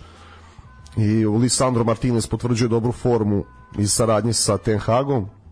O, I tako da kažem ti, Akunja je stabilniji od Taljafika, Montiel i Molina vidjet ćemo kako će da se rotiraju po potrebi i to, ti, to izgleda dobro. U tom, u tom smislu da ne možeš mnogo da ih ugrožiš sada iz kontre. Tako da ja očekujem da pobede Poljsku i budu C1. E sad, a šta kažeš onda ko je drugi u toj grupi? Će biti Poljska, Saudici, Meksiko. To je sad Ne mogu, ne mogu ovaj Meksiko mi je neubedljiv. Ja sam rekao sam pre Pa početka zato sam rekao, meni su, Meksiko. meni su oni već izbačeni, ja ne vidim kako oni mogu A što da sad to je, znaš, ovo, ovo sa gol razlikom donosi nešto potpuno novo. Ne, A ja mislim da će tu da će tu ovaj ipak ne, ne znam šta Saudijici imaju u sebi. Ko, oni mogu da imaju dobru igru, a da opet izgube, kao i protiv Poljske. Znaš, Da. da. tome, tome Znaš se radi ja što vidim tu, ja odudaraju vidim igrački tu neki nerešeni ishod i da će Poljska otići kao druga. Meni to tako deluje da će to tako biti. A sad? O, vrlo moguće, ali Da. ako znači posle kogod da ide ide na Francusku tako da Je kraj, svakako. pazi i, i Argentina nije favorit a kamoli neko od ove tri selekcije A kamoli Tako da je danas Argentina mora da krene jako da bi izborila C1 jer njima C1 baš otvara vrata polufinala. E, ajmo dalje, grupa D. Mislim, što se tiče Poljske, ajde, me- meni je nekako najrealnija za to drugo. Poljska je skup jednih prosečnih igrača plus Lewandowski. Ono, baš, da. Iz Levandovski, Zjelinski, Pa da. ima interesantnih, znaš, i tu Da. dobar i jako Ali Kivior. je to jedna prosečna ekipa na kraju, mislim, kad se, kad se podvuče crta. Uh, idemo dalje, grupa D. Uh, Francuzi su bili prva reprezentacija koji su obezbedili ovaj prolazak dalje sa dve pobede, pobedili su prvo Australiju u prvom meču, zatim su pobedili i Dansku. Fantastična utakmica Francuska-Danska, zaista ovaj za uživanje, onako za gledanje. Bilo je dosta, dosta dobrih utakmica, dosta dobrih utakmica za gledanje. Do sad Uh, mada sam vidio da je bilo glasanje kao za najdosadniju, ali pa ne znam, koja bi do sad bila najdosadnija, ajde, ovaj, možda, možda Engleska SAD, a možda je to bila naj, najmrtvi. Tunis, Danska je opet bila neki, Bilo je, tu čekaj, čekaj, ko je još odigrao vam? a, ti Ne, ne. Ur, o, Urugva i Južna Koreja. Urugvaj, Južna Koreja, to je baš bilo. A tu ja sam ti rekao, za tu grupu očekujem da će biti najdosadnija, to je... A i jeste, takav je mentalitetski, jeste tako i po opredeljenju igre, jer i Uruguay i Portugal kao favoriti vole da stanu plitko, da igraju na rezultat. Uh, šta kažeš za Francusku? Ajde, okej, ovo može. Ajde, dobili su ovo u Australiji, to nije bilo nešto ovaj pretrano za iznenađenje, a utakmica Francuska Danska onako me, meni kvalitetom je bila mnogo više od utakmice Jeste. grupne faze. Bila Jeste, je jeste, makar ono malo, su, malo rano su se susreli. Da, da, da, šta je Tako da, da, ne, Danska je podbacila protiv Tunisa, znaš kako, uh, sad dolazimo i do faktora klime, Tunisu je mnogo prirodnije da igra u Kataru, a sad nemamo, nemamo ono kao nekada, znači, ne kao nekada, nego kao pred svako normalno prvenstvo leti, znači da se ekipa skupi, pa imaš kamp, pa se dođe u kamp, u tu zemlju, period adaptacije, i onda vidiš u prvom kolu kako su odigrali Saudici, Tunis i Iran E. i Maroko. i Maroko. E tu sad kad smo krenuli ovu priču, znači, ali one te reprezentacije poput Saudijske Arabije, poput Irana, poput oni su imali, oni su bili mesec dana zajedno. Da, I to plus igraju gde igraju. Plus igraju tako je, igraju onda klimi. imaš Dansku koja je najštreberskija, da kažemo, reprezentacija turnira koja voli da je to, znači, u igranosti je sinonim za njih. U tom, oni izgledaju kao klubski tim kad igraju, u smislu mehanizam. Znači, kod njih je sve proračunato, ovaj, ušematizovano, ali znaš, onda kad nisu dovoljno dugo zajedno, malo im je trebalo vremena protiv Tunisa, protiv Francuske je to već bilo bolje, ali ipak Francuska, ali oni su i evropsko prvenstvo počeli tako što nisu dobili prve dve utakmice. Znači isto su prvo izgubili ne, nesrećno protiv outsidera zbog toga što se desilo s Eriksenom, pa su onda sa, nesrećno izgubili od favorita, oni su bili bolji od Belgije tada i onda je bilo da se namesti ono da odu i kako dalje, oni su razbili Rusiju. Ja očekujem da pobede Australiju Apsolutno, i da budu imaju da budu meč, da da, budu D2 i onda jednu sjajnu utakmicu pretpostavljam sa Argentinom. Uh, oni svakako će, mislim nema šta razbiće Australiju u, u direktnom okršaju. Uh, tamo ima Francusku i Tunis, eto Tunis će malo ovaj se sa svojim kolonistima malo boriti, ovaj što nije tako nije tako ni loše. Da, dodatni motiv. da, ali, ali dodatni njihova zanimljiv tim, ali propuštena šansa protiv Australije. E sad, uh, možemo, mislim što se tiče utakmice Australije Tunis, ja tu moram da istaknem fantastičan gol ovog momka iz Australije, koka bre trza i glavom, ono nije uopšte lako uraditi. Kao Tim Cahill. Da, ono je zaista zaista lepo, tako da uh, nekako uvek je ta ekipa Australije simpatična. Uh, tu smo rekli ovi igraju direktan direktan ovaj duel imaju protiv protiv da, da, Danska Australija el ko pobedi ide dalje uh, to je grupa D Francuzi po meni jedni od favorita za za onako visok plasma sigurno za jedno od prva tri mesta E, pa to ako, ako neko može možda da odbrani svetsko prvenstvo, to je tim Mogu tog biti, kvaliteta. da. I znaš što je interesantno, što oni sve ovo rade bez Benzeme i Pogbe. da i Benzema je napustio Francu- inače da E, ali, e sad je to da li je on stvarno povređen i to je pitanje, ali francuski novinari sada kažu onako obavešteni opet pritom bliski da. i bliski koji imaju izvore u, iz elitnih klubova i reprezentacije da su igrači srećni što ne igraju sa Benzemom Svi znamo njegovu ličnost da ga nije lako kontrolisati. Sad tu, znaš, kad imaš Florentina Pereza koji možda kontroliše ce, ceo svet, nekad pomislim, a onda ipak koliko god Dešam bio bog socijalnih veština, Benzema je za njega previše. I mislim da ovo što Pogba i on nisu tu da je to dobro, jer onda, znaš, Mbappéa možeš da kontrolišeš i ole Rabioa, isto specifični karakteri i Rabio sa njegovom majkom i specifičnim zahtevima gde god da igra, šta god da igra, ali opet Dešan je pokazao da ume to i sada im je mnogo lakše. A opet ne znam, ne, nekako ih, iz nekog razloga instinktivno ih ne vidim kao osvajača. Svakako će daleko, pa možda i eto, možda i ispuno neke penale slučajno imaju mnogo kvaliteta, ali doprineće kvalitetu turnira bez dileme. Iako su u ovom nekom periodu u Ligi nacija sa Benzemom loše izgledali. Tako je, na Sad- primjer, pogotovo na meču protiv Hrvatske, recimo, je to bilo bilo slabo. E sad, e, Olivier Giroud postigao je, postigao je golove, jel, ovaj, i onako oborio je tačnije, izjednačio. izjednačio je Tako, rekord. A tu nisi idealna da. prilika za to. Mislim da je Olivija to zaslužio, jer ne treba zaboraviti da je on bio čovek koji je do neke 24. godine igrao petu ligu francuski. To je jedna divna priča, je- jedan talent koji je morao da ispliva. On je sam vukao taj Montpellier Tako do titule. Pa, on je, ta mu on, pazi, ima, ima, ima dva, čovjek ima dva prvenstva od 38 kola osvojena sa ekipama koje nisu bile favoriti za isto, Montpellier i Milan u Montpellieru je baš bio sve i sve, a u Milanu opet dovoljno bitan faktor. Plus svetsko prvenstvo osvojeno gde se on žrtvovao pre četiri godine nije postigao ni jedan gol. Jer je Ali sve je bio izuzetno ključan igrač u tom momentu. Da. I Griezmann i on sve za tim. I dalje rade isto tako i zaslužuju rezultate. E, mogli bi neki naši malo to tako da počnu. E, dobro, šta tu nema više ništa da kažemo ovima. E, e, idemo ova... e, Da, da, Francuska sigurno ide među osam, a tu, pazi, tu je potencijalno četvrtfinale Francuska Engleska, to će da pršti. to svakako. A, to o tome ćemo svakako pričati i u narednim nedeljama.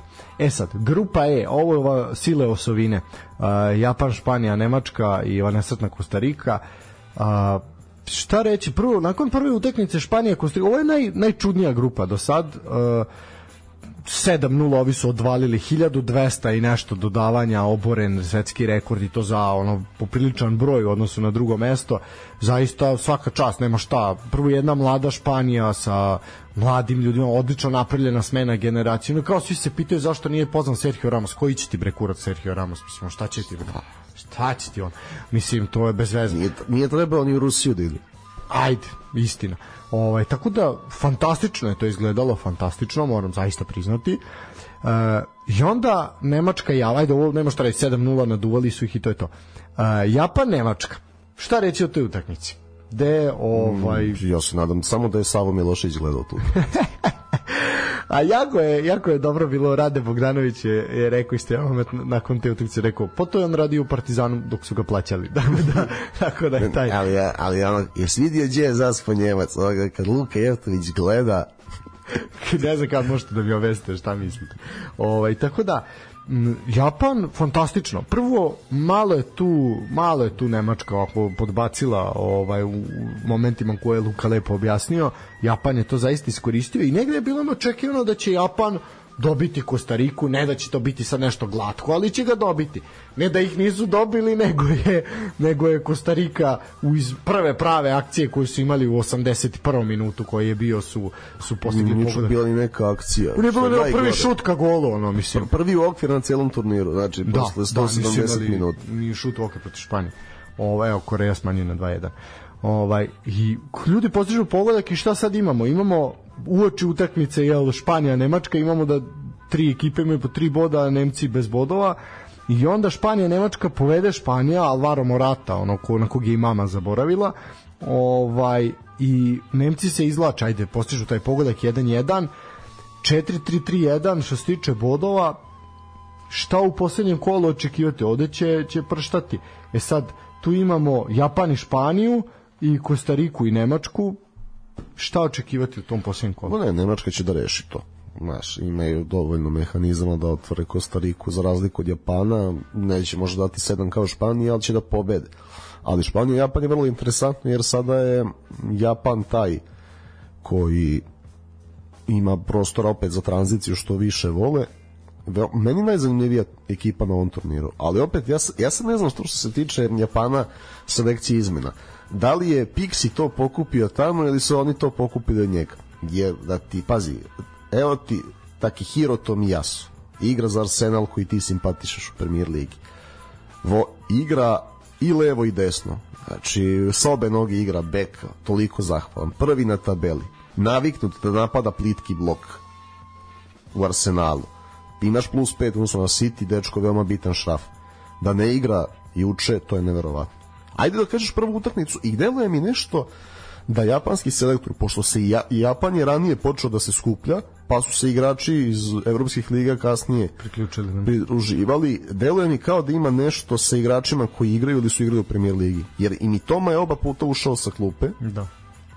I Minamino koji je bio u Liverpoolu je ulazio sa klupe.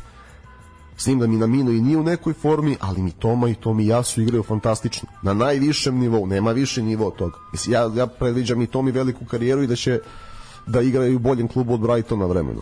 I kad je ušao, pazi, nekako je ovaj, sačuvao ih je golman od da je bude samo jedan protiv Nemaca kad su ušli mi Toma i Asano druga utakmica. I sad mogu i da razumem i, i Ricu Doan, naravno. Onda je Ricu Doan bio starter, sada ali ne znam šta je hteo sa, da Soma igra 90 minuta po, des, po, po desnoj strani, ne može dečko da nosi širinu. Da je bio Tomijasu, druga priča i za Kostariku, tako da selektor Japana koliko je dobio prvu, toliko je izgubio drugu utakmicu time i mislim da sada mora stvarno da razmisli o nekim promenama da, da mu Tomijasu i mi Toma krenu za Španiju imaju šansu. Pri čemu, ne znaš samo, jel možeš da mi vidiš tu kad si već koja grupa igra pre? Da, je da li š, uh, igraju u 4 ili u 8 Japan Španija? Sad ću ti reći. Japan Španija igra u 8 se igra. U 8. Četiri igraju Hrvatska, Belgija e, i pa- Kanada, Maroko, ovo se igra u 8. Ali pazi ovo, mi znamo kakvi su Španci na turnirima u svim sportovima Španija može da pusti Japan i da sa drugog mesta u grupi izbegne Brazil pre finala. Ja sam, ja sam to upravo hteo, to mi se vrti treba. Jer ti onda izbaciš Nemačku koja je mnogo jači tim nego Japan, Japan može da iznenadi, ne može da osvoji i ti sad izbegneš Brazil i onda prokušaš da igraš finale sa Nije Brazilom. da se to nije dešavalo na svetskim prvenstvima. Pa vidi, i nije, ali posebno Španija, mislim, pa znaš da. njih na olimpijadi, pa one Tako da Brazilom, meni se meni se meni se to upravo vrti vrti po glavi i upravo da, razmišljam da, da te pitam to da možemo da igraju četiri ne bi mogli nego ovako kad vide na ko će biti tamo F1 i F2 i mogu da naprave sebi kostur. Inače bez, Koreja i bez toga 2 -2. Japan ima kvalitet da se da se razumije. Naravno, naravno što su i pokazali. Inače Koreja 2:2 nećeš verovati, nadskočili su ove iz Gane i postigli pogodak neverovatno koliko se čovjek odrazio za, za 2-2. Ovaj, tako da, eto, ludilo je jedno totalno. Još ćemo i videti i preokret. A, dobro, idemo dalje. A, to smo rekli. E sad, grupa F, uh, tu je onako Maroko pokazao možda i naj, ne možda nego sigurno najviše Maroko je prvo protiv Hrvatske izašao fantastično i onako poprilično iznenadio sve i tu je bilo pitanje da li je Vahid Halihođić smenjen sa pravom ili ipak ovaj pošto su jel zvali su ga mnogi mediji pogotovo što je jel samo bio trener Dinama i sve da prokomentariše pogotovo tu utakmica protiv Hrvatske. I on je rekao zaista svima sve je odbio i rekao da neće da komentariše još uvek je besan ako je to teško podneo sa porodicom je rekao je da neće ni pratiti ovaj sad dalje to zaista istina ne to je pitanje ali nije hteo da ni da pomogne ni da odmogne nije hteo ništa da kaže da prokomentariše. Na kraju je Maroko uh, pokazao ozbiljno ozbiljno da je ozbiljna ekipa. Uh, odigrali su 0-0 protiv Hrvatske a realno su mogli do 3 boda. Uh, Hrvatska nije pokazala ništa u tom meču su ajde imali tu jednu šansu Vlašića ali je to bilo poprilično slabo. I onda su razbili Belgiju s tim da im je jedan gol poništen uh, ajde ovaj gol iz onog ugla malo je tu Tibo Courtois usrao ali dobro šta sad tako je kako je na kraju Be Maroko sa četiri boda i i kvalitetnija reprezentacija od kanadske gde Absolutno. oni mogu da imaju sedam bodova da budu prvi što je nevjerovatan uspeh Mislim, Ma, Kanada trči, sve to fizički su dominantni, ali je Maroko takođe tu na Kanada, Kanada je u Srbiju tim koji najlošije brani tranziciju na turniru. Znaš, to je progres u njihovoj zemlji, neka nova priča, futbal i, i vrlo interesantni igrači i još neki koji nadolaze, koji čekaju to prvenstvo za četiri godine, ali za sada još uvek neozbiljno za ovaj nivo što se i pokazalo. Ali njima je, oni su svoju misiju ispunili u tom smislu da su pokazali da znaju da igraju futbol da mogu da ugroze ozbiljne timove.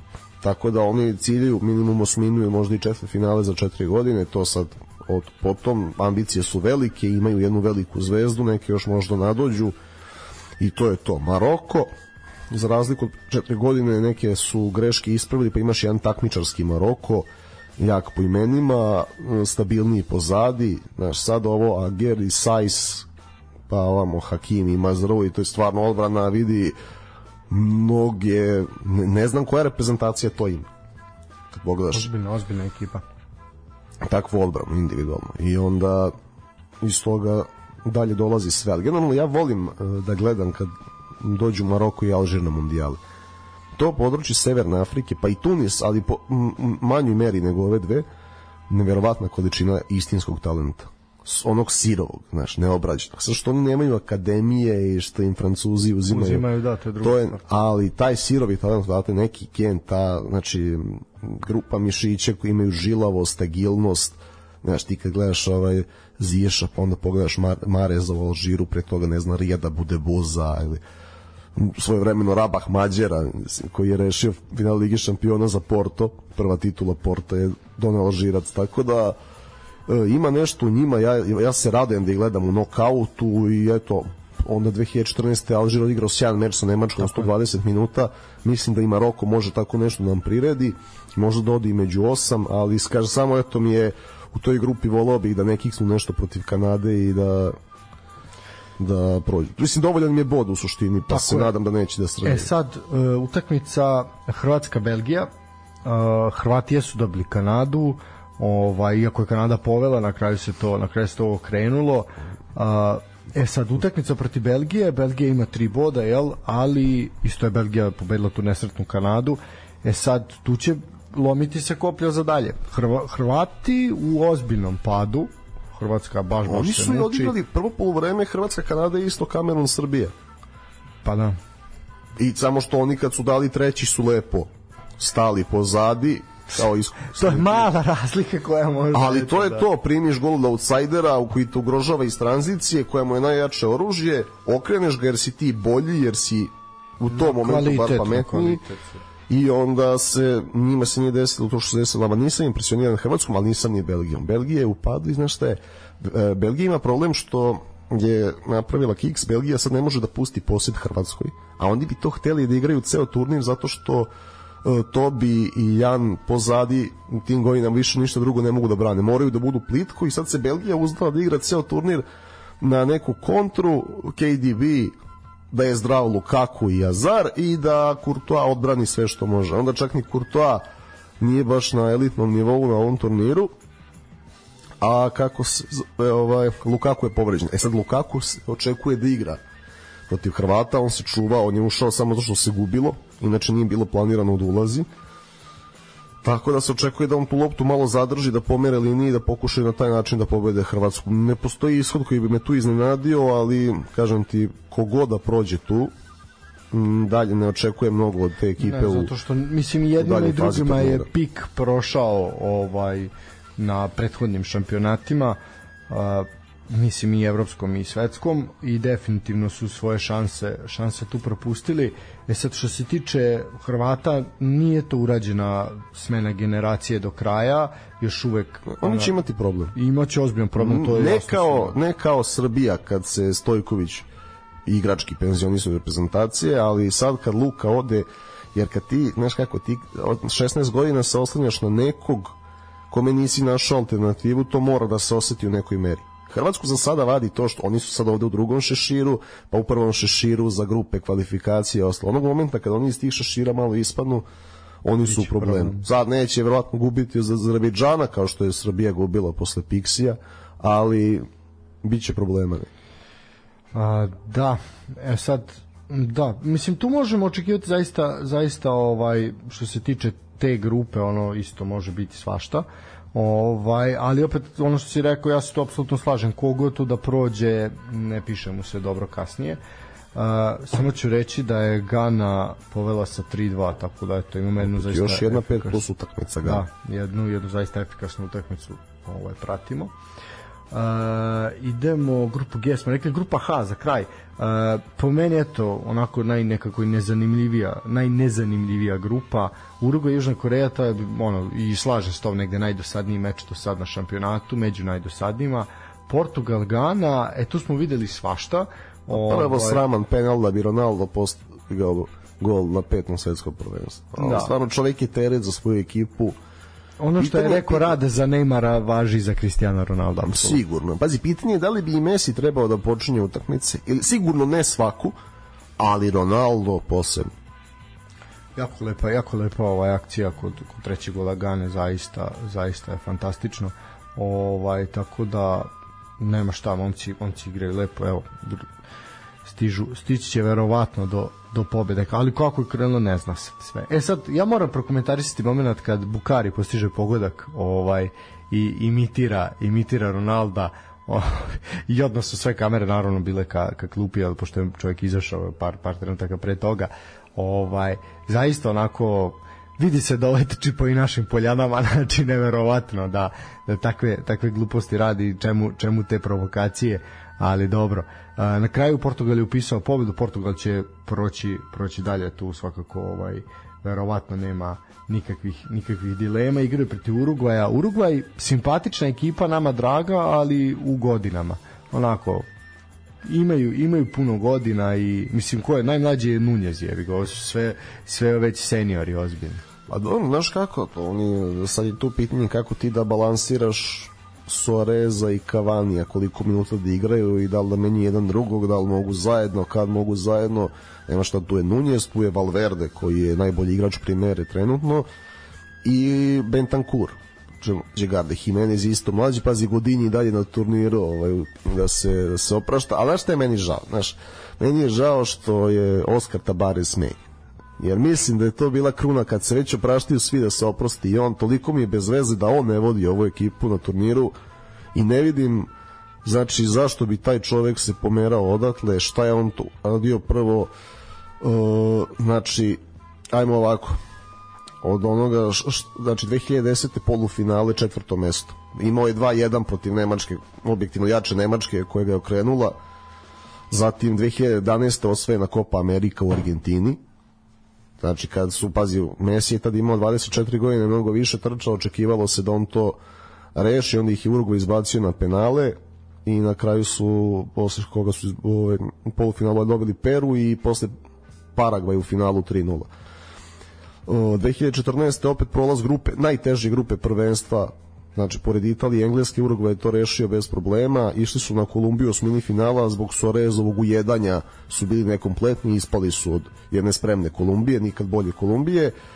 I onda opet među osam u Rusiji, lagan prolaz grupe, prvo mesto, izbacili isti taj Portugal u smini finala, potpuno zasluženo, fenomenalnim golom Edisona Kavanija, tako da da je bilo nekih tu kikseva možda na Copa Amerikama, mnogo njih je igrano, ali da se dira Oskar Tabarez, mislim da je bila velika greška i eto, tu gleda se čovek koji je bio selektor i pre 30 godina, znači u više navrata uradio svašta korisno da se on dira da, da ne dođe u Katar. Eto, to za, možda jedino zato ne bih a dobro, protiv Portugala moram da navijam za Urugvaj, ali eto, jedino, jedini razlog što, da im nešto zameram. Inače, mimo toga, kroz godinu uvek simpatičan tim, mala zemlja sa toliko talenta, to, to svet nije vidio.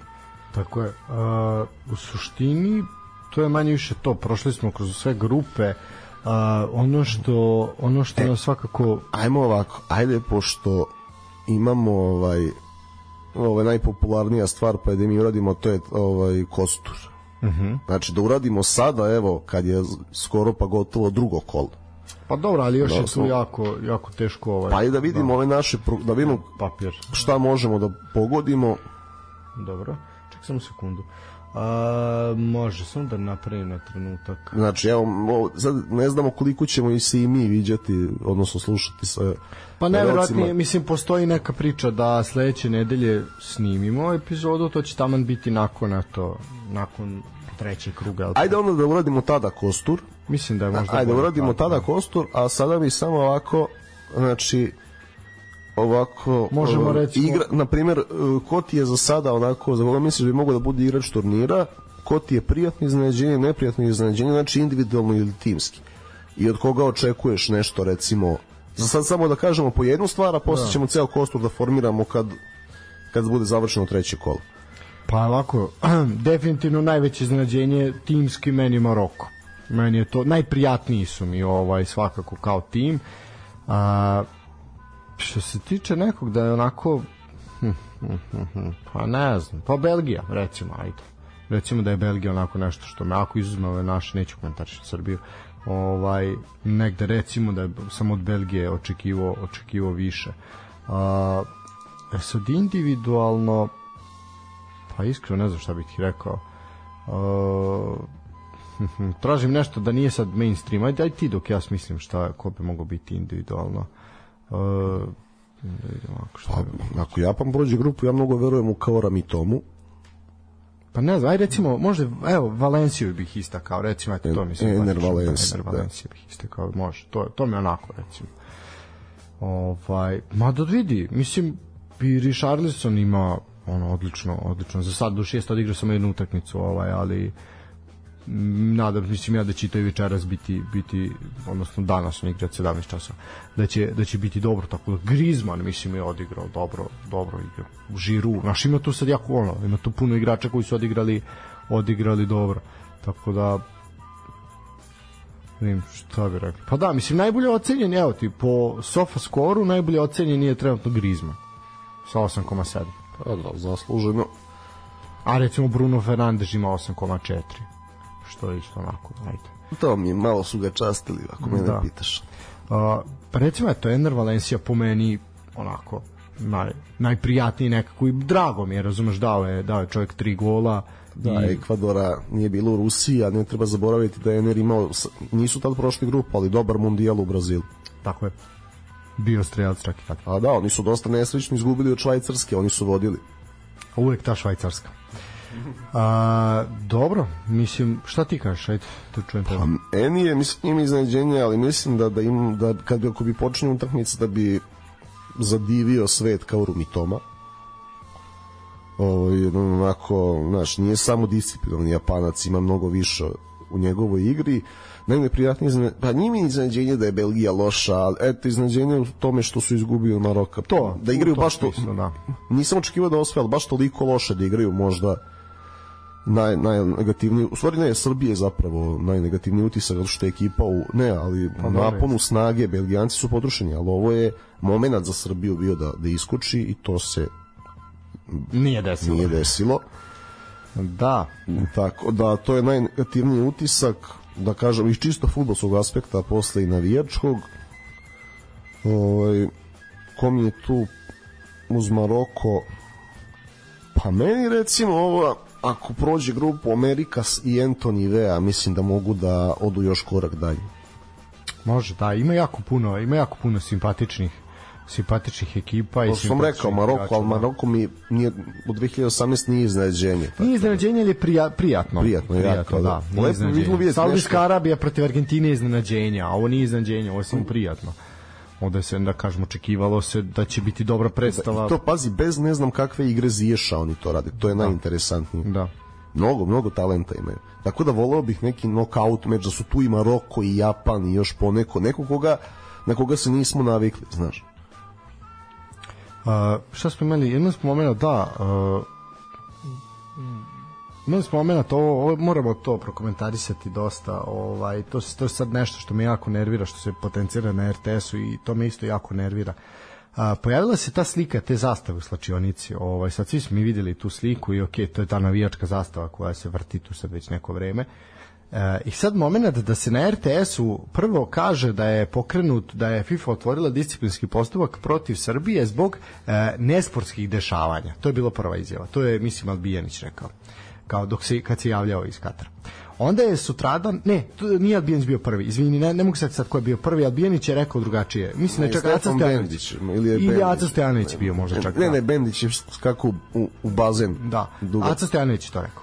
E onda je uh, Albijanić se javio sinoć i onda je sinoć rečeno da je e, zbog zastave, pokrenut po, disciplinski postupak zbog zastave na koje piše nema predaje i onda su nek da nema predaje u životu, nema predaje ni na kao mi ne predajemo sve A zašto cenjeni ovaj Dušane Albijaniću, niste rekli šta je još na zastavi sem toga nema predaje. Znaš kako se postepeno se tako naš kao eto, ovaj mi mi smo žrtve, eto mi smo zato što smo mi stavili zastavu nema predaje. Nismo mi stavili zastavu nema predaje, mi smo stavili zastavu na kome je uh, nacrtano Kosovo sa na našom zastavom, to je zastava koja ok, jeste umetanje politike u ovaj ali ne shvatam poentu zašto je to neko uradio? Šta smo mi sa tim dobili? Zašto je bilo bitno okačiti tu zastavu na u slačionici na dresove reprezentacije? Prvo ko je to koja koji kreten je to uradio?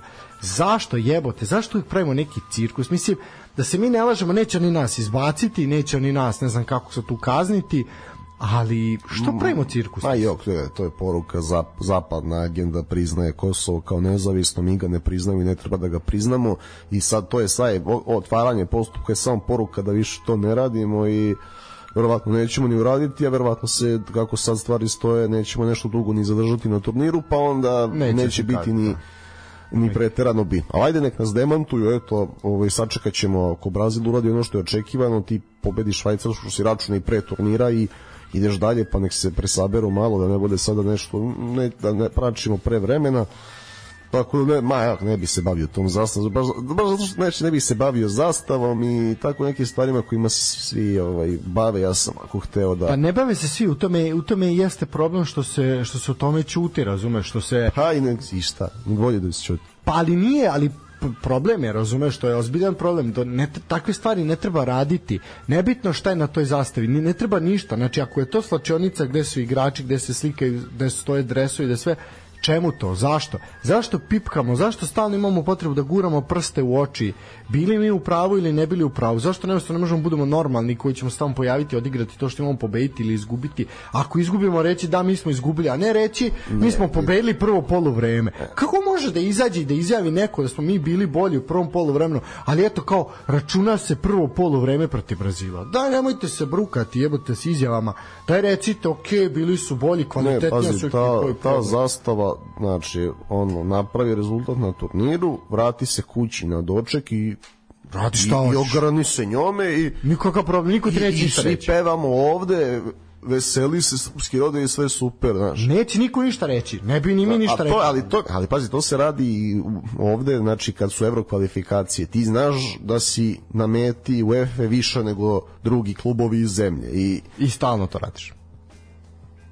Tako, Mislim, da ne, neverovatno, ali to, to je taj neki naš mentalitet, ono ja sam pitam, jebote, ono, do, dokle ćemo, nije to ni mentalitet, to je, to je glupost. Pazi, to je samo jednom izvedeno kako treba i to je Young Boys 2017. godine gde ono neke tvoje majici hvala znači bez druge parole da, da, da, da. nisu ti ne možeš da dokažeš kome je to upućeno i zašto iako mi interno znamo Ako, si, ako onda to radi tako, onda smisli, pravi se mrtav, no, ne šta mi, ma nema, to, to je Znaš, Ne, ovo je, ovo je jako... Kad smisliš tako, ja ću da pozdravim to šmekerski, sve drugo. Ovo je bez veze. Ovo je, ali opet veliko kažem pitanje ko je to od koga je došlo. Još je tužnije ako je to došlo od igrača ili od nekog stručnog štaba, onda je to problem, razumeš? Da, Ali ne, ne, verujem, nego to je ono, razumeš, neki drugar koji dođe u Katar, pa slika procuri, nego daj brate, slikam tamo, šaljem ovima u Srbiji, to, to su te fore, ono. a znam, ali slika ne u slačionici, razumeš? Ko može Pa nekomu, pa ne, nego doturim u nekom momentu, aj ljubite brate, ono samo za, za, za Viber grupu da slikam. Pa da, i onda nije završeno na Viber. Mislim, to je ono, ne znam, nadam Pa se. da- ne, ali to tako te stvari krenu obično. Pa krenu, da, ali to ono, naš kao, jebote, ono, jel, ne, znaš, ne shvatam. A ne, ne se ba, neće se bavim da. zastavom. Da ima ovo, le, lepo mi je ovo Maroko, Japan i ovaj opšta kultura, znaš, to je ne, lepa ovo, stvar. da, moment Sve- sa Japancima, da. Sve su, ne, nego lepa stvar, sve su prvenstveno što te podstakne, a ako si pametan da nešto pročitaš u nekoj zemlji mimo, je. mimo futbala. I zato, znaš, ja ne mogu, znači, koliko je to bude i evropsko prvenstvo leti, ali to ne može da se poredi, iako je tu mnogo kvalitetnih reprezentacija. Možda čak i više kvalitetnijih možda nego, nego što je na I svetu. ne može da se poredi. Pa ne može, da. Ipak je, Neka ipak je draž, ovo. mundijal je mundijal, stvarno, ne, čak i kad nije prvo futbal nije na nivou klubskog ekipe, nisu igrane, sve stoje, ali nešto ima što magično meni uvek u svetskom prvenstvu i desi se uvek nešto nešto po čemu to pamtiš, znaš, čak i ovaj, i ta Ru- Rusija još i najmanja, reci, pazi, ona Kolumbija 2014. pa Čile 2014. Kako je to? Evo, izašle su, izašle su postave za Brazil i za Švajcarsku. Znači, na golu Alisson, pa imamo Militao, Thiago Silva, Marquinhos, Aleksandro, Fred, Casemiro, Paketa, Rafinha, Richarlison i Vinicius. Što se tiče švajcaraca, Somer, Widmer, Akanji, Elvedi, Rodriguez, Fro, Freuler, Džaka, Rajderso, Vargas i Embolo. E da, ajde ovaj moment. Čekaj, čekaj, ko je desno? O, za šta, za švajcarce? Znači, Somer, Vidamera, Kanji... Nisi rekao Šačirija. Pa nema ga. Nema Šačirija. Nema. Freuler, Džaka, Rieder, Sou, Vargas i Embol. A, interesantno. A nisam, nisam čuo da ima problem. Pa eto. A, Embolo je dao gol za švajcarce jel, protiv Kameruna i pošto je to momak inače rodom iz Kameruna i dole su nastali nemiri, ono, ljudi su mu kamenovali kuću, nasto, nasto totalni haos. Majka je izašla u javnost, ona molila da neredi, da se, se smiri, ako čovjek nije slavio gol. Um, majka kaže da je to Samuel Leto naredio. Da, da, majka je rekla da je to Samuel Leto naredio, da je to, da je to ali. Samuel Leto koji bukvalno telefonom pravi izmene Rigobertu Songu. Neverovatno, da, mislim, ludilo je jedno totalno. A, A, to, to ima samo mundijal, znaš. ne, jako je, mislim, vidi, od tog momenta da, da Japanci čiste sve za sobom, ostavljaju origami u slačionici do, do ovaj, divljanja, pa izašao je snimak slavlja Argentinaca u slačionici, mislim, i tako dalje, do ovih što danas moment kamerunac koji se moli tamo na, na stadionu, razumeš, sve to je fantastično za gledati. Kaže mi, jel, dokle misliš da može Messi? Pa ići će oni bre daleko, vidjet ćeš. A da li, ne znam, mislim, iskreno, ja bih, ono... Ja živim ne, da bude to Argentina-Brazil polufinale. Samo da, ja mislim da gledam će to. biti, ja mislim da će biti. Ja bih- ovaj, mislim da sigurno. E sad, što se tiče i Mesija i Ronalda, ja bih voleo zaista da bude njihovo ono, posljednje veliko takmičenje, ih više ne gledamo. Znači, dajte, pustite. Ono što je rekao Rade Bogdanović za Neymara, to je, to je najveća istina na planeti. Znači, daj sklonite ih. Taj Portugal ima brdo kvalitetnih igrača. Pazi, evo, znači, Joao Felix centralno, Bernardo desno i Leao levo, da Portugal komotno ide u finale. Komotno.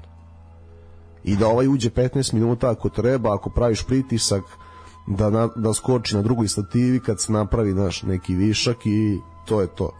To mu je plafon. Šta će ti od početka? Ni Bruno ti ne treba toliko, ajde on nađe neki ključni pas, odigrali ovo sa Ronaldom. A pa, znaš što je ono što mene ne bi iznenadili, ni jedan ni drugi da se pojavi za četiri godine. I to tipa da se nešto penzionišu pa se vraćaju. Da, Da, ono, pazi, posebno što je, da. pazi, posebno što recimo ako Messi ode u Inter Miami kao što se priča u MLS ligu i onda ne znam tamo za četiri godine Inter Miami ustupio kamp reprezentacije Argentine, Messi dočekao sa igrače sa takosima, ne znam, ja, razumeš, ništa me od njih ne bi iznenadilo, a posebno što njih, znaš, njih dvojica su institucije za sebe, ako su potrebni sponzorima možda budu tu i za četiri godine. Pa ja se iskreno nadam da neće biti, ali... Ja, ja se nadam da neće, ali se isto tako nadam da Messi može napraviti neko čudo sada, ali do kraja.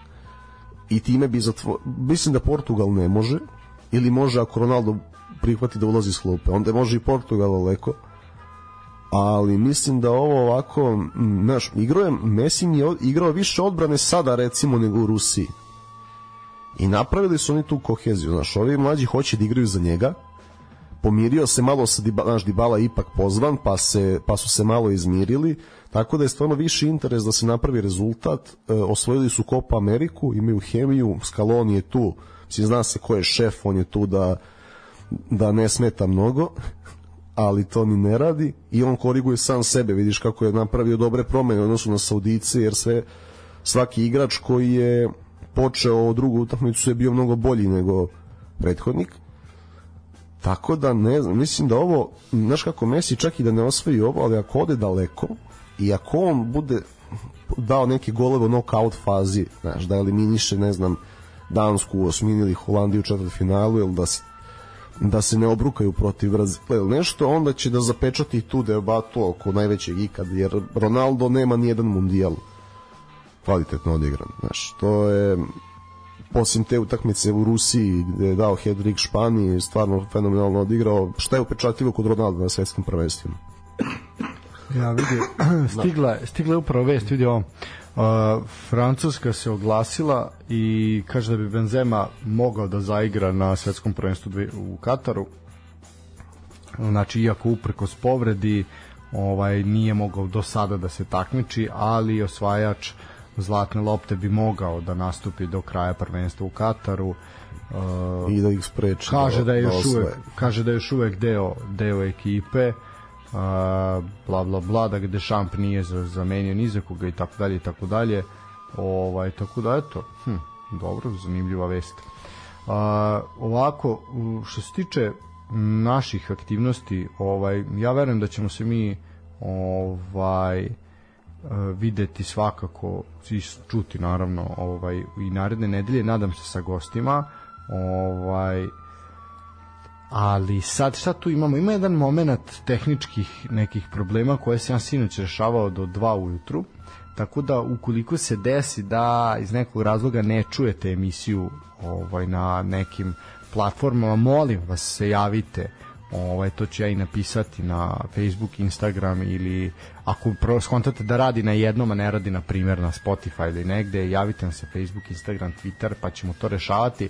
A, definitivno ćemo morati zbog tih tehničkih problema napraviti jednu pauzu, je sad da li će to biti, da li ćemo ići tako daleko da to bude nakon svetskog prvenstva, vidjet ćemo, nešto ćemo smisliti, ali sve u svemu bit će jedan period od makar jedno dve nedelje kad nas neće biti da bi sve uspeli da da rešimo šta se, šta se dešava. Tu moram se zahvalim ekipi sa podcast RS-a koja koja nam izlazi u susret i koja nam pomaže, tako da verujemo da će se sve, sve rešiti kako, kako treba. Uh, ja bih završao polako. I ja bih ovaj... sad imam jedno pitanje za tebe. Pošto se grupa završava u petak uveč, ako ćemo da radimo to i sa breketom da najavimo osminu finala, da li mi možemo da se oglasimo na neki način, makar kratko, u subotu pre četiri? A, pa dobro, ne to, to moramo vidjeti sa, i sa ekipom na ivici da kad oni su planirali da rade. Mislim, u sušti tehnički možemo. E, ako a... možemo, ja bih da se, da se oglasimo tada, mankar kratko, da prokomentarišemo treće kolo, napravimo svaki svoj breket i onda da pratimo šta pogađamo. Jer onda imamo tamo luft, znaš kako, onda imamo opet sedam dana da se oglasimo, zato što ide u čet, osmina je u četiri dana i dva dana pauze pa onda recimo naš tamo neki od tih slobodnih dana možemo da se oglasimo ponovo pa sačekamo nekako mi je to najprirodniji put oglašavanja s tim da ne moramo možemo da spojimo polufinala i finala posle i da ih prokomentarišemo na kraju. Da Uh, pa ajde vidjet ćemo. Mislim sad to sve sve zavisi ako budemo uspio da rešimo ovaj problem koji imamo onda može ako ne ne znam sad nisam prati kažem siguran. Juče sam do 2 sata ujutro zaglavio da jer, sa čačkanjem. jer onda se u ponedeljak kako se oglašavamo u redovnom terminu onda su već od, odigrano je već pola osmine Znaš, onda mo, pričaš pa si malo i general post bitke onako, nekako mi je baš prirodno da se oglasimo u subotu. malo Rade Bogdanović. Ovaj pa ne znam, videćemo. Zavisi od gostiju koji su planirani za ponedeljak i to je A, dobro, njihova, njihova je ja tu, oni su dobrodošli kada god, da. pa možda i njima zbog obaveza bude više odgovaralo. ne znam, rešit ćemo sad tu kažem, ovaj ajde nećemo o tome u Tako da, programu da. ne, rešit biće, biće neki gosti svakako ako ništa kad budu oni slobodni dani između osmine i četvrt finala, pa nešto ćemo napraviti. Dobro. U suštini to je to. Ja bih polako odjavljivao da mi stignemo na utakmicu 5 da gledamo uh, Brazil i Švajcarsku i svakako bitna utakmica ne samo za nas, bitna i za, i za njih, tako da, ali i dobra, dobra utakmica. Radujem se što ću gledati Brazil bez Neymara, zato što će Rafinha i Paketa doći malo do izražaja, to je dva igrača nekako ja volim da gledam, tako da znao, ovaj, za video je, znao je da Švajcarska će da stane plitko da brani da će samo tranzitivno da se osloni na napad, tako da zato je Fred sada tu umesto Neymara, a Paketa je do, došao na svoju poziciju. Tako da to može još lepše da izgleda zapravo, a Militao će da pokrpi desnog beka, znači onda je Alves tu samo da da uzme medalju ako se ona osvoji i to je to. To je to od nas za ovo 109. izdanje. Uh, čujemo se, svakako ćemo najaviti makar dan ranije, a ako ne u ponedeljak onda u nekom drugom drugom terminu. Uh, uživajte u svetskom prvenstvu, mi zaista uživamo, pa ćemo se čuti u narednom periodu. Pozdrav! Pozdrav!